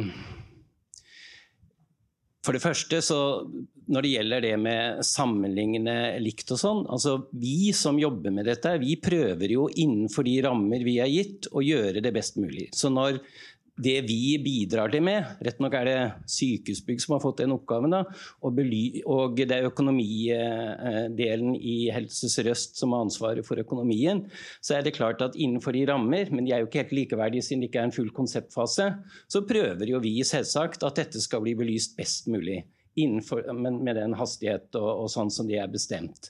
Vi har ikke noen annen eh, målsetning enn om at uh, om at eh, de som skal bestemme hele tiden, akkurat som det gjelder reguleringssaker alle sammen, at de skal få best mulig eh, opplysninger for å kunne ta de bestemmelsene. Så jeg har ikke noen sånn veldig sans for sånn man driver og kritiserer hverandre på emosjonelt grunnlag. Da syns jeg vi skal få en kommentar fra deg, Just Ebbesen, som du ikke har fått sagt noe ennå. Ja, takk skal du ha. Eh, jeg er jo da nyansatt i, i sykehuset og skal da gå inn og lede prosjektet med det videre arbeidet. Eh, og jeg har riktignok jobbet både på Riksdal og Ullevål på, fra tidlig 2000-tallet og mot slutten av 2000-tallet. Så jeg kjenner jo begge de to lokalisasjonene ganske godt, både Gaustad og Ullevål. De siste tre årene før jeg flyttet på meg til Østfold og planla nytt sykehus og bygget nytt sykehus der, så var jeg på Ullevål som klinikksjef.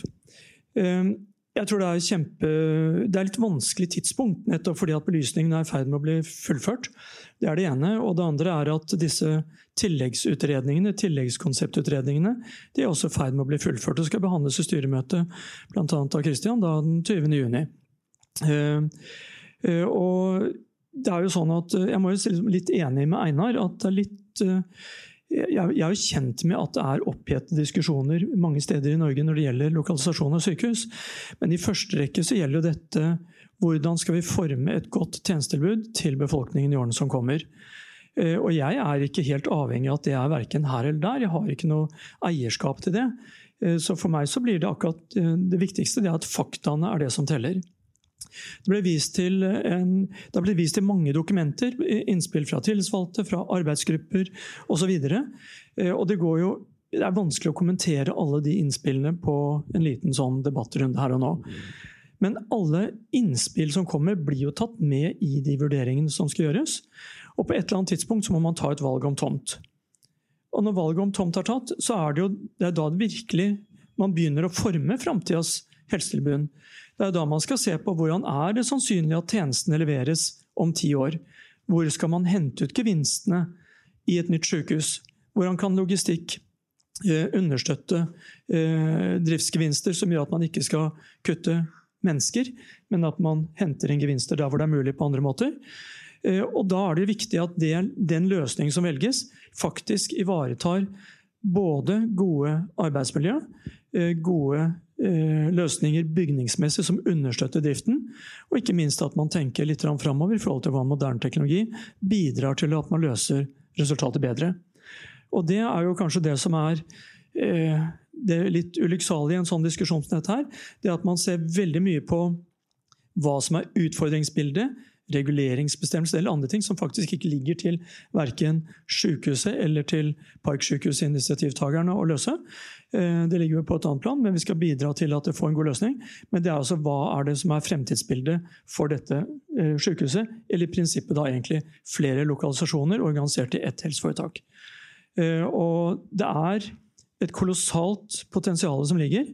Og jeg håper virkelig at vi nå kan få både medarbeidere og eh, selvfølgelig Oslo kommune som viktig samarbeidspartner og andre til å engasjere seg i hvordan vi skal løse utfordringsbildet fremover. For det er stort nok uten at vi skal krangle altfor mye om tomta. Ja.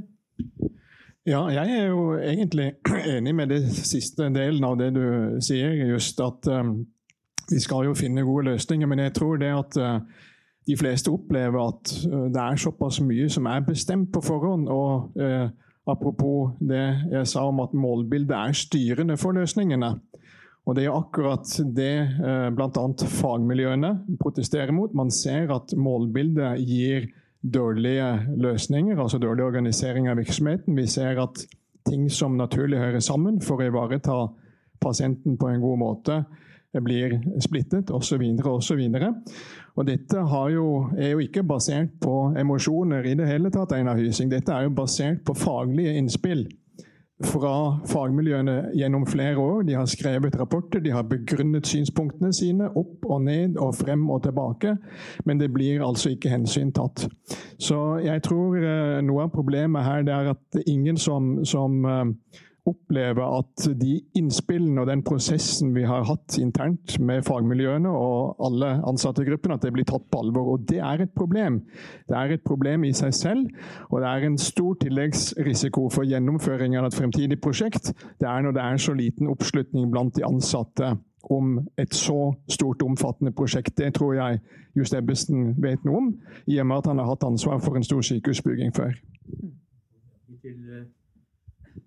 Ja, jeg bare har en ekstra kommentar når det gjelder dette med, med krav til beslutningsunderlaget. Og interessant å høre da hvordan Høyre nå har da også har forventninger til, til det, som, det, som, skal utredes. Og jeg kan ikke skjønne at det, den forventningen som, som da bl.a. kommer til uttrykk der på politisk nivå, at den kan svares ut med eh, å fastholde målbildet, for å si det sånn. Og eh, når det gjelder dette med beslutningsunderlag, så er det utrolig eh, viktig. Dette med likeverdighet. Og da må Høie, som jo har fastlagt et målbilde, han må akseptere at han må løsne på det og se på og, og, og i stedet for legge dette med likeverdighet til grunn. Og da må det også være en eh, kvalitetssikring som er uavhengig av de som jobber med dette. Og Der stiller jeg spørsmål ved eh, PwC som kvalitetssikrer, ettersom de jo også er revisorer for Helse Sør-Øst, og de er jo på en måte engasjert på, på flere hold her.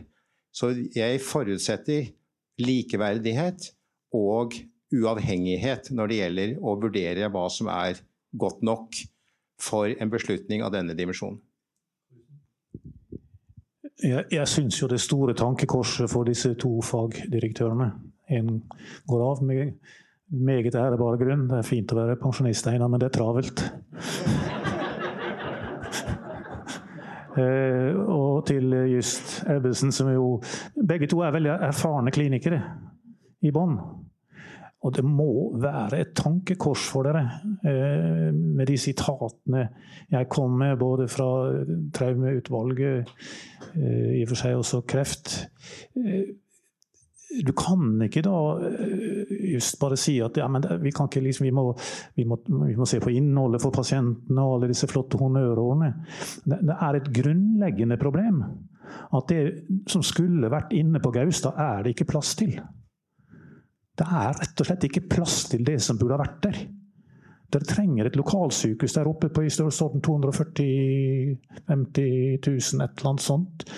Og det er det ikke plass til. Og nå skal dere hjelpe med å ha plass til 3000-4000 fødsler til også. Og det skal dere jo løse frem til juni, da, så det blir jo morsomt å se, selvfølgelig. Men det grunnleggende problem som dere bør svare ut, er dere virkelig bekvemme når f.eks. traumegruppa sier at vi får et dårligere tilbud enn det vi har, og sier at dette ikke er en tomtediskusjon. Uh, Rolf, selvfølgelig lytter vi til uh, fagpersoner. Og når det kommer den type innspill som kom fra en arbeidsgruppe som skulle se på hvordan man skal organisere akuttfunksjonen i et nytt målbilde, så er det klart, da dykker vi jo ned i det. Og vi ser på både de argumentene som er der, den, det faktagrunnlaget som ligger, og vi ser på om det er andre som har gjort dette på andre måter, for å kunne belyse er det, er det umulig å finne en annen løsning, eller finnes det andre løsninger. Eh, og det er klart at det, tas jo på alvor. Og så er det sånn at vi er midt i den prosessen og kan ikke svare ut hva konklusjonen er. Og, det, det, er klart at uh, Selvfølgelig lytter man til fagpersoner. Vi er fagpersoner sjøl. Og, vi lytter også til det dere sier som tidligere fagpersoner, for å si det sånn. da. Ja, altså jeg vil bare presisere at, eh, at dette er ikke en lokasjonsdebatt. Altså Oslo er eh, et sykehusområde. Det er ingen, jeg tror ingen, absolutt ingen i Oslo bryr seg om de kjører til Ullevål eller til, eller til Aker eller til Gaustad. Det er ikke det som er problemet. Uh, og det er ingen som kritiserer på emosjonelt grunnlag. Uh, jeg kan bare si på vegne av meg selv og på Høyre så er det i så fall fakta, og det er jo uh, som er det avgjørende i denne saken. Men det virker, og Derfor er det viktig på en måte at det også gjelder eh, OUS og Helse Sør-Øst. tenker jeg, At det ikke må gå prestisje i hvor, den, hvor, det sykehuset skal ligge. Og Det syns jeg at jeg hørte bitte lite grann om at nei, nei, målbildet sier at det skal være på Gaustad, derfor jobber vi på det. Det, det, det, må, det må, jo være feil. For det er all sånn atferdspsykologi det er jo gjort mye forskning på det. Det viser jo det at det er veldig vanskelig hvis det er tatt en dårlig avgjørelse, å komme ut av den. Og da har man en tendens til å kaste veldig mye gode penger for å forsvare en dårlig avgjørelse. Og så graver man den graven liksom dypere mens man holder på, helt til man er nødt til å hoppe ut. Men da er det blitt en mye, mye dypere grøft. Eh, eh, og, så, og, så, viser jo atferdspsykologi også at hvordan får man styret med seg til å ta dårlige avgjørelser? Jo, da nedsnakker man dagens løsning. Da sier du at det er så utrolig dårlig i dag, og derfor vil alle være med på den fremtidsdrømmen at det skal bli så fint og flott en gang i fremtiden. Og det virker jo, Hver gang jeg hører noen snakke om dette prosjektet eh, fra altså det er Bent eh, Høie, eller om det er um, Helse Sør-Øst, og når det er OS, så hører jeg alltid at det begynner med å si det er så utrolig dårlig på Ullevål sykehus. Og det, det, det, er jeg helt enig i. Da jeg lå der og så tenkte jeg jo, jo, jo, ja, ja, her må det gjøres nå. Men, men, eh, men det er også mye på Ullevål sykehus som er bra. Og det sier aldri Helse Sør-Øst eller Oslo universitetssykehus. At det er utrolig mange bra eh, Og de sier, også sier Rikshospitalet nytt, men det er det jo heller ikke. For det er jo snart 20 år gammelt. Så, så jeg syns det at Oslo jeg syns at Helse Sør-Øst burde bestrebe seg på å få et enstemmig vedtak. Hvor, hvor, og når det er kommet så tung kritikk fra fagmiljøene, så fortjener faktisk de som er ansatt på sykehusene, at man utreder dette skikkelig. De står i den hverdagen hver dag, og man fortjener at det er eh, og man fortjener at det blir en enstemmig løsning. Altså, det er jo enstemmig løsning om andre om Drammen sykehus eller om andre utbygninger, så det er ikke sånn at det er umulig å få til enstemmige løsninger om sykehusbygg i Norge. Det er jo bare at man må diskutere seg frem til noe som alle kan være enige om, og det syns jeg at dere bør utfordres på å få til. Kort kommentar fra Bredeli. Ja, jeg har bare lyst til å gjenta det at det som står i veien for å besvare alle de spørsmålene som fagmiljøene har stilt, det er jo nettopp at man låser det fast til en belysning som tar utgangspunkt i et fastlåst målbilde. Det gjør at man er forhindret fra å se de faktiske mulighetene som fins. Og så er jeg helt enig med Kroppelin at dette er jo ikke noen kamp om man skal være på Rikshospitalet eller på Ullevål. Det er et spørsmål hva kan gi de beste løsningene for pasientene og pasientbehandlingen på lang sikt. Og sekundært så vil det være viktig å ta hensyn til at vi kan ivareta fremtidige kapasitetsbehov. Og så dreier det seg om fornuftig bruk av økonomiske ressurser. Da åpner vi for et par spørsmål fra salen. Helt bakerst der, vær rask. Ja. Mitt navn er Kjell Løvold. Jeg er amatør på dette her, men de 20 milliarder kroner billett, merkostnad, må være vanvittig viktig. Gjerne få kommentar fra Hysing om det merkostnaden på 20 milliarder som Holte presenterte. Ja, Det er ikke sammenlignbart hva du får for disse pengene. Så da må man uh, gå inn på det og se på det. Og når jeg fikk uh, mikrofon, så vil jeg si en ting når det gjelder målbildet. Det er jo riktig som du sier at man må ikke blande sammen målbildet og stedet for mye. Men hvis en ser veldig historisk på dette her, da, og det, siden jeg nå skal gå av, så kan jeg vel også føre med den mer sånn man kan se det over litt lengre linjer. Det som har vært den store diskusjonen, og som fortsatt er den store diskusjonen, det er liksom ett regionsykehus, samling av regionsfunksjoner. Og det kan jo være helt uavhengig av sted. Og den delen eh, det, har man heller ikke liksom helt sluppet, slik at det blir litt sånn forskjellig. Slik at eh, Nå beholdt man jo målbildet, men man byttet sted, da, hvis du skjønner, i den belysningsdelen. Så det er så mange argumenter, og for så vidt litt sånn inne her, så det er veldig viktig å prøve å skille de. Og jeg tror fortsatt at, eh, at det, det, var et politisk, nasjonalt greie som ville at vi ikke skulle forbruke for mye av de spesialiserte kompetanseressursene og skulle deles ut i landet. Så var en sånn polit. Så vil jo klart at det går mange år, så kan man se litt på det, men, men man må skille det og sted. da. Og Det samme er når det gjelder Aker og sykehus. da sånn, så kom det også inn som et klart politisk eh, ønske i denne prosessen. Det er ikke skapt av OS. OS ble veldig dårlig behandla der. Først fikk vi beskjed om å flytte ut til AU, som var, var, veldig vanskelig for oss. Og så ble det vanskelig det som var igjen når det skulle flyttes til Ullevål, så var det trangt. Men det virkelige presset var jo under høringen, fordi at man ønsket dette store Det var en politisk greie, det òg. Altså, jeg, jeg, bare lurer på eh, politisk Det som er politisk med Aker, er jo å ta, ta de pasientene som er i Grorud og er på Ahus, tilbake til Oslo. Det har jo aldri vært et politisk ønske å dele opp Ullevål sykehus og flytte virksomheten fra Ullevål til Aker. Det, det politiske er jo å ta tilbake eh, de bydelene som behandles på Ahus. I høringen som var noen år tilbake, så var det det å bygge på Aker. Så er dette med Ahus og, og sånn kommet inn etterpå. Det var ikke det primære den gang. Da, da, du, vær så god.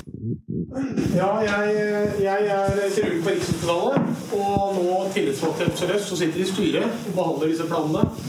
Og jeg har fulgt denne prosessen fra begynnelsen og lest eh, de mer enn 1000 sidene med utredning som, eh, som, ligger der. Just du sier litt om at eh, dette problematikken knytta til eh, hvordan virksomheten skal innrettes, det er noe vi hører på å ta med oss. Men dette har vært nevnt fra dag én. Og problemet er fremdeles uløst. sånn at det, det, har vi rett og slett ikke noe tillit til hvis jeg skulle ta ansattes ståsted i OS. Når det gjelder fra posisjonen fra, som styremedlem i Sør-Øst, så når jeg leser disse utredningene de henger ikke sammen. Siri Hatlen peker en vei, og så kommer Bjørn Erikstad og peker en helt annen vei. Det er ikke noe konsistens her. Og Hvis man leser disse nøye, så ser man at det er fullstendig inkonsistent hele veien. Eh, F.eks. den løsninga vi endte på med Aker Rikshospitalet, hva var den basert på? Ja, Den var basert på at vi skulle bare ha seks bydeler. Og Da var det ikke mulig å se for seg både Aker, Ullevål og Rikshospitalet. Og Det legger vi bort. Og dagen etter kommer Høie og sier at dere skal ha ni. Sånn at Dette henger ikke sammen i det hele tatt. Og da blir jeg veldig bekymra for hvis dette er kvaliteten som vi klarer Vi har en prosjektorganisasjon som går, koster kanskje 50 millioner i året. som produserer utredninger som i realiteten er helt fullstendig verdiløse, for de tilslører realitetene. Og jeg har lest belysningen så langt den er kommet. Det er bare et mattverk. Det er helt tendensiøst fra ende til annen. Man, eh, man lager problemer der man ikke trenger. Det er ikke sånn at bydelsfordelingen er låst i målbildet til Høie. Nei, det er det ikke. Det er noe vi selv har bestemt i vår organisasjon.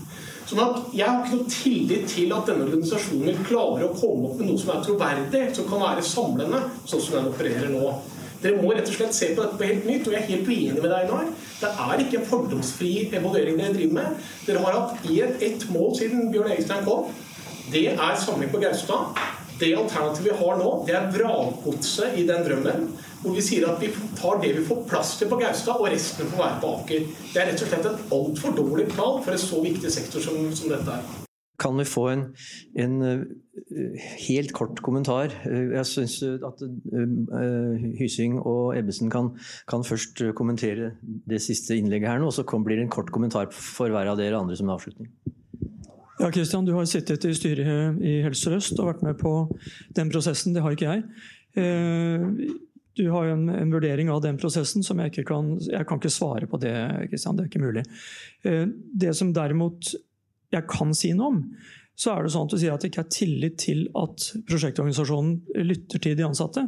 Eh, det syns jo jeg er trist. Hvis det, hvis det er det som er opplevelsen. Jeg kan bare si at jeg har i hvert fall ikke noe forutinntatt målbilde eller andre ting. Jeg var med som, eh, som eh, divisjonsdirektør på medisinsk klinikk i 2006-2009. Da var det snakk om hovedstadsprosessen, sammenslåingen, og det var snakk om hvilke målbilder som skal være. Og Da kom Aker inn i kabalen, og så la man i Aker. Og nå er det nytt lokalsykehus på Aker, og nå skal man legge ned Ullevål. Eh, det er, det er jo ikke veldig enkelt å forstå de prosessene som har gått. Det har jeg stor forståelse for. Til syvende og sist så blir det vel da hva som er praktisk mulig og økonomisk mulig å få til, som avgjør lokalisasjonen, tenker jeg. Og så må vi jobbe i hvert fall enda bedre eh, framover med at vi får utforming av innholdet i tjenestene til å fungere enda bedre i en enda tettere samarbeid med de ansatte.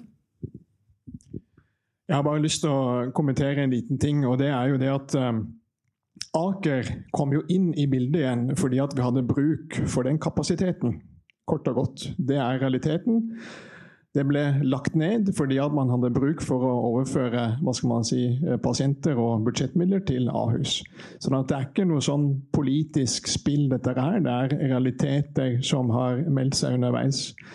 Og, de har kommet som følge av ofte tidligere feilbeslutninger og, og dårlige vurderinger. Da.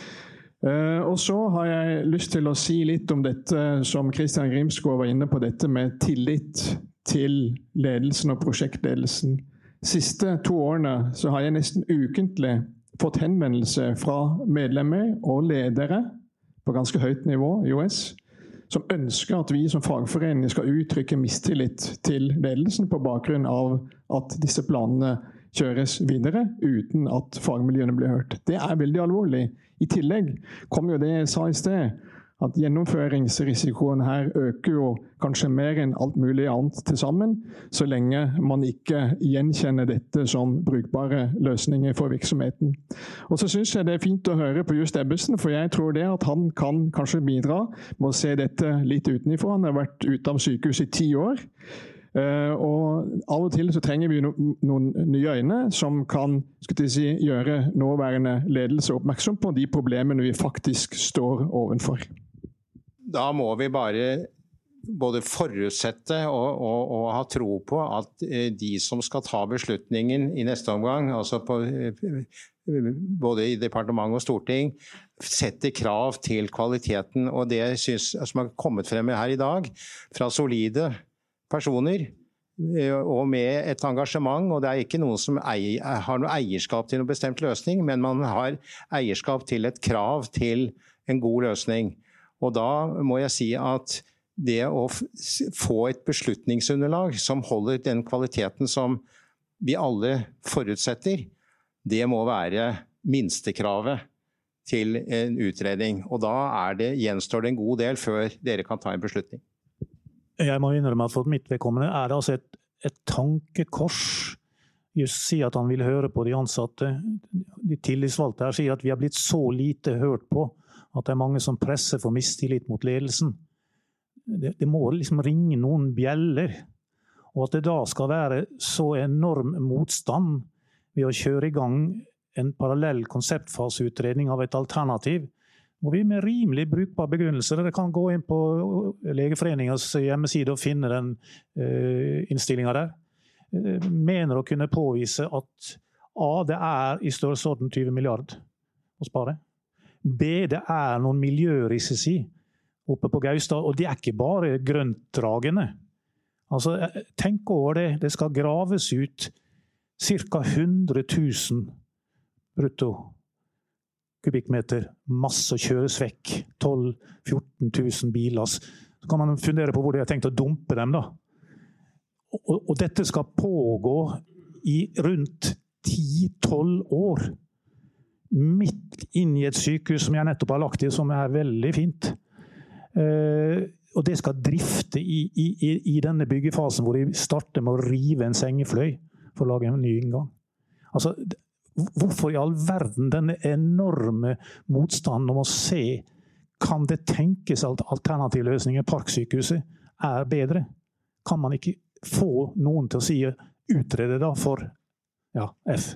Ja, altså jeg, jeg, har jo sagt litt om hva jeg forventer av denne utredningen. og jeg tenker at Hvis det ikke er gjort sånn som, eh, at hvis det ikke er gjort på en skikkelig grundig måte, eh, så syns jeg at det kloke ville være at Helse Sør-Øst eh, ba om mer tid til å utrede.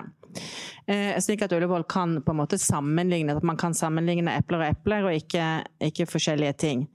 For det er jo ikke sånn at Stortinget bevilger ikke mer penger hvis det blir dyrere prosjekt. Det er jo, det er jo én pengesekk, og hvis man bruker 20 milliarder mer på å bygge bygg, så er det 20 milliarder mindre til helsetjenester.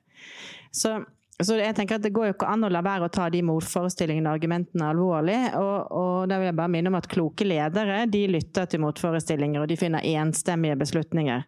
Og Vi skal jo huske på det at dagens, eh, dagens beslutninger blir gransket med morgendagens briller. Så, og, og, det vil være temmelig flaut å være den helseministeren eller det helseforetaket som har gitt et dårligere tilbud i tilfelle det kommer en ny katastrofe i uh, Norge.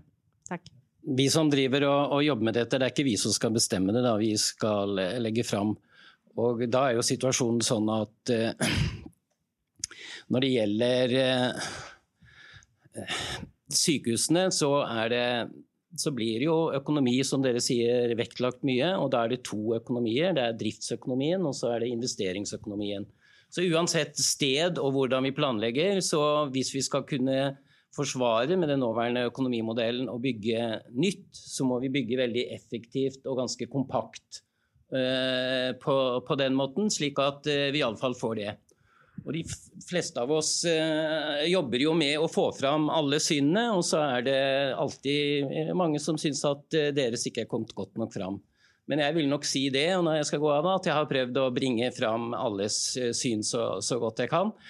Og det er jo ikke sånn at at det ikke er kommet fram. Det blir jo alltid så, og det som har vært vanskelig, det er at man vil gjerne diskutere andre ting enn på det tidspunktet vi er. Og det som, ikke sant? Altså det ble, Når man allerede går ut i starten og sier at man har ett mål, et politisk mål, man skal samle regionsfunksjoner, man skal samle kompetansen osv., det er ikke direkte sånn som de som er det i Oslo applauderer av. Det er mer et sånt eh, nasjonalt politisk greie, så det ligger en føring i starten som, og det er, det er, det overordnede politiske. Og nå er det da dessverre, pga. at vi har så mange land, så er det gått veldig mange år uten at pasienten har fått nye bygg. Og det syns jeg er det aller tristeste. Da syns jeg vi gir innleder og panel en skikkelig applaus, og så takker jeg for fremmøtet. Takk for at du lyttet til Polipod fra Politeknisk forening. Få med deg flere episoder, eller bli med på nettverksmøtene som du finner på at polyteknisk.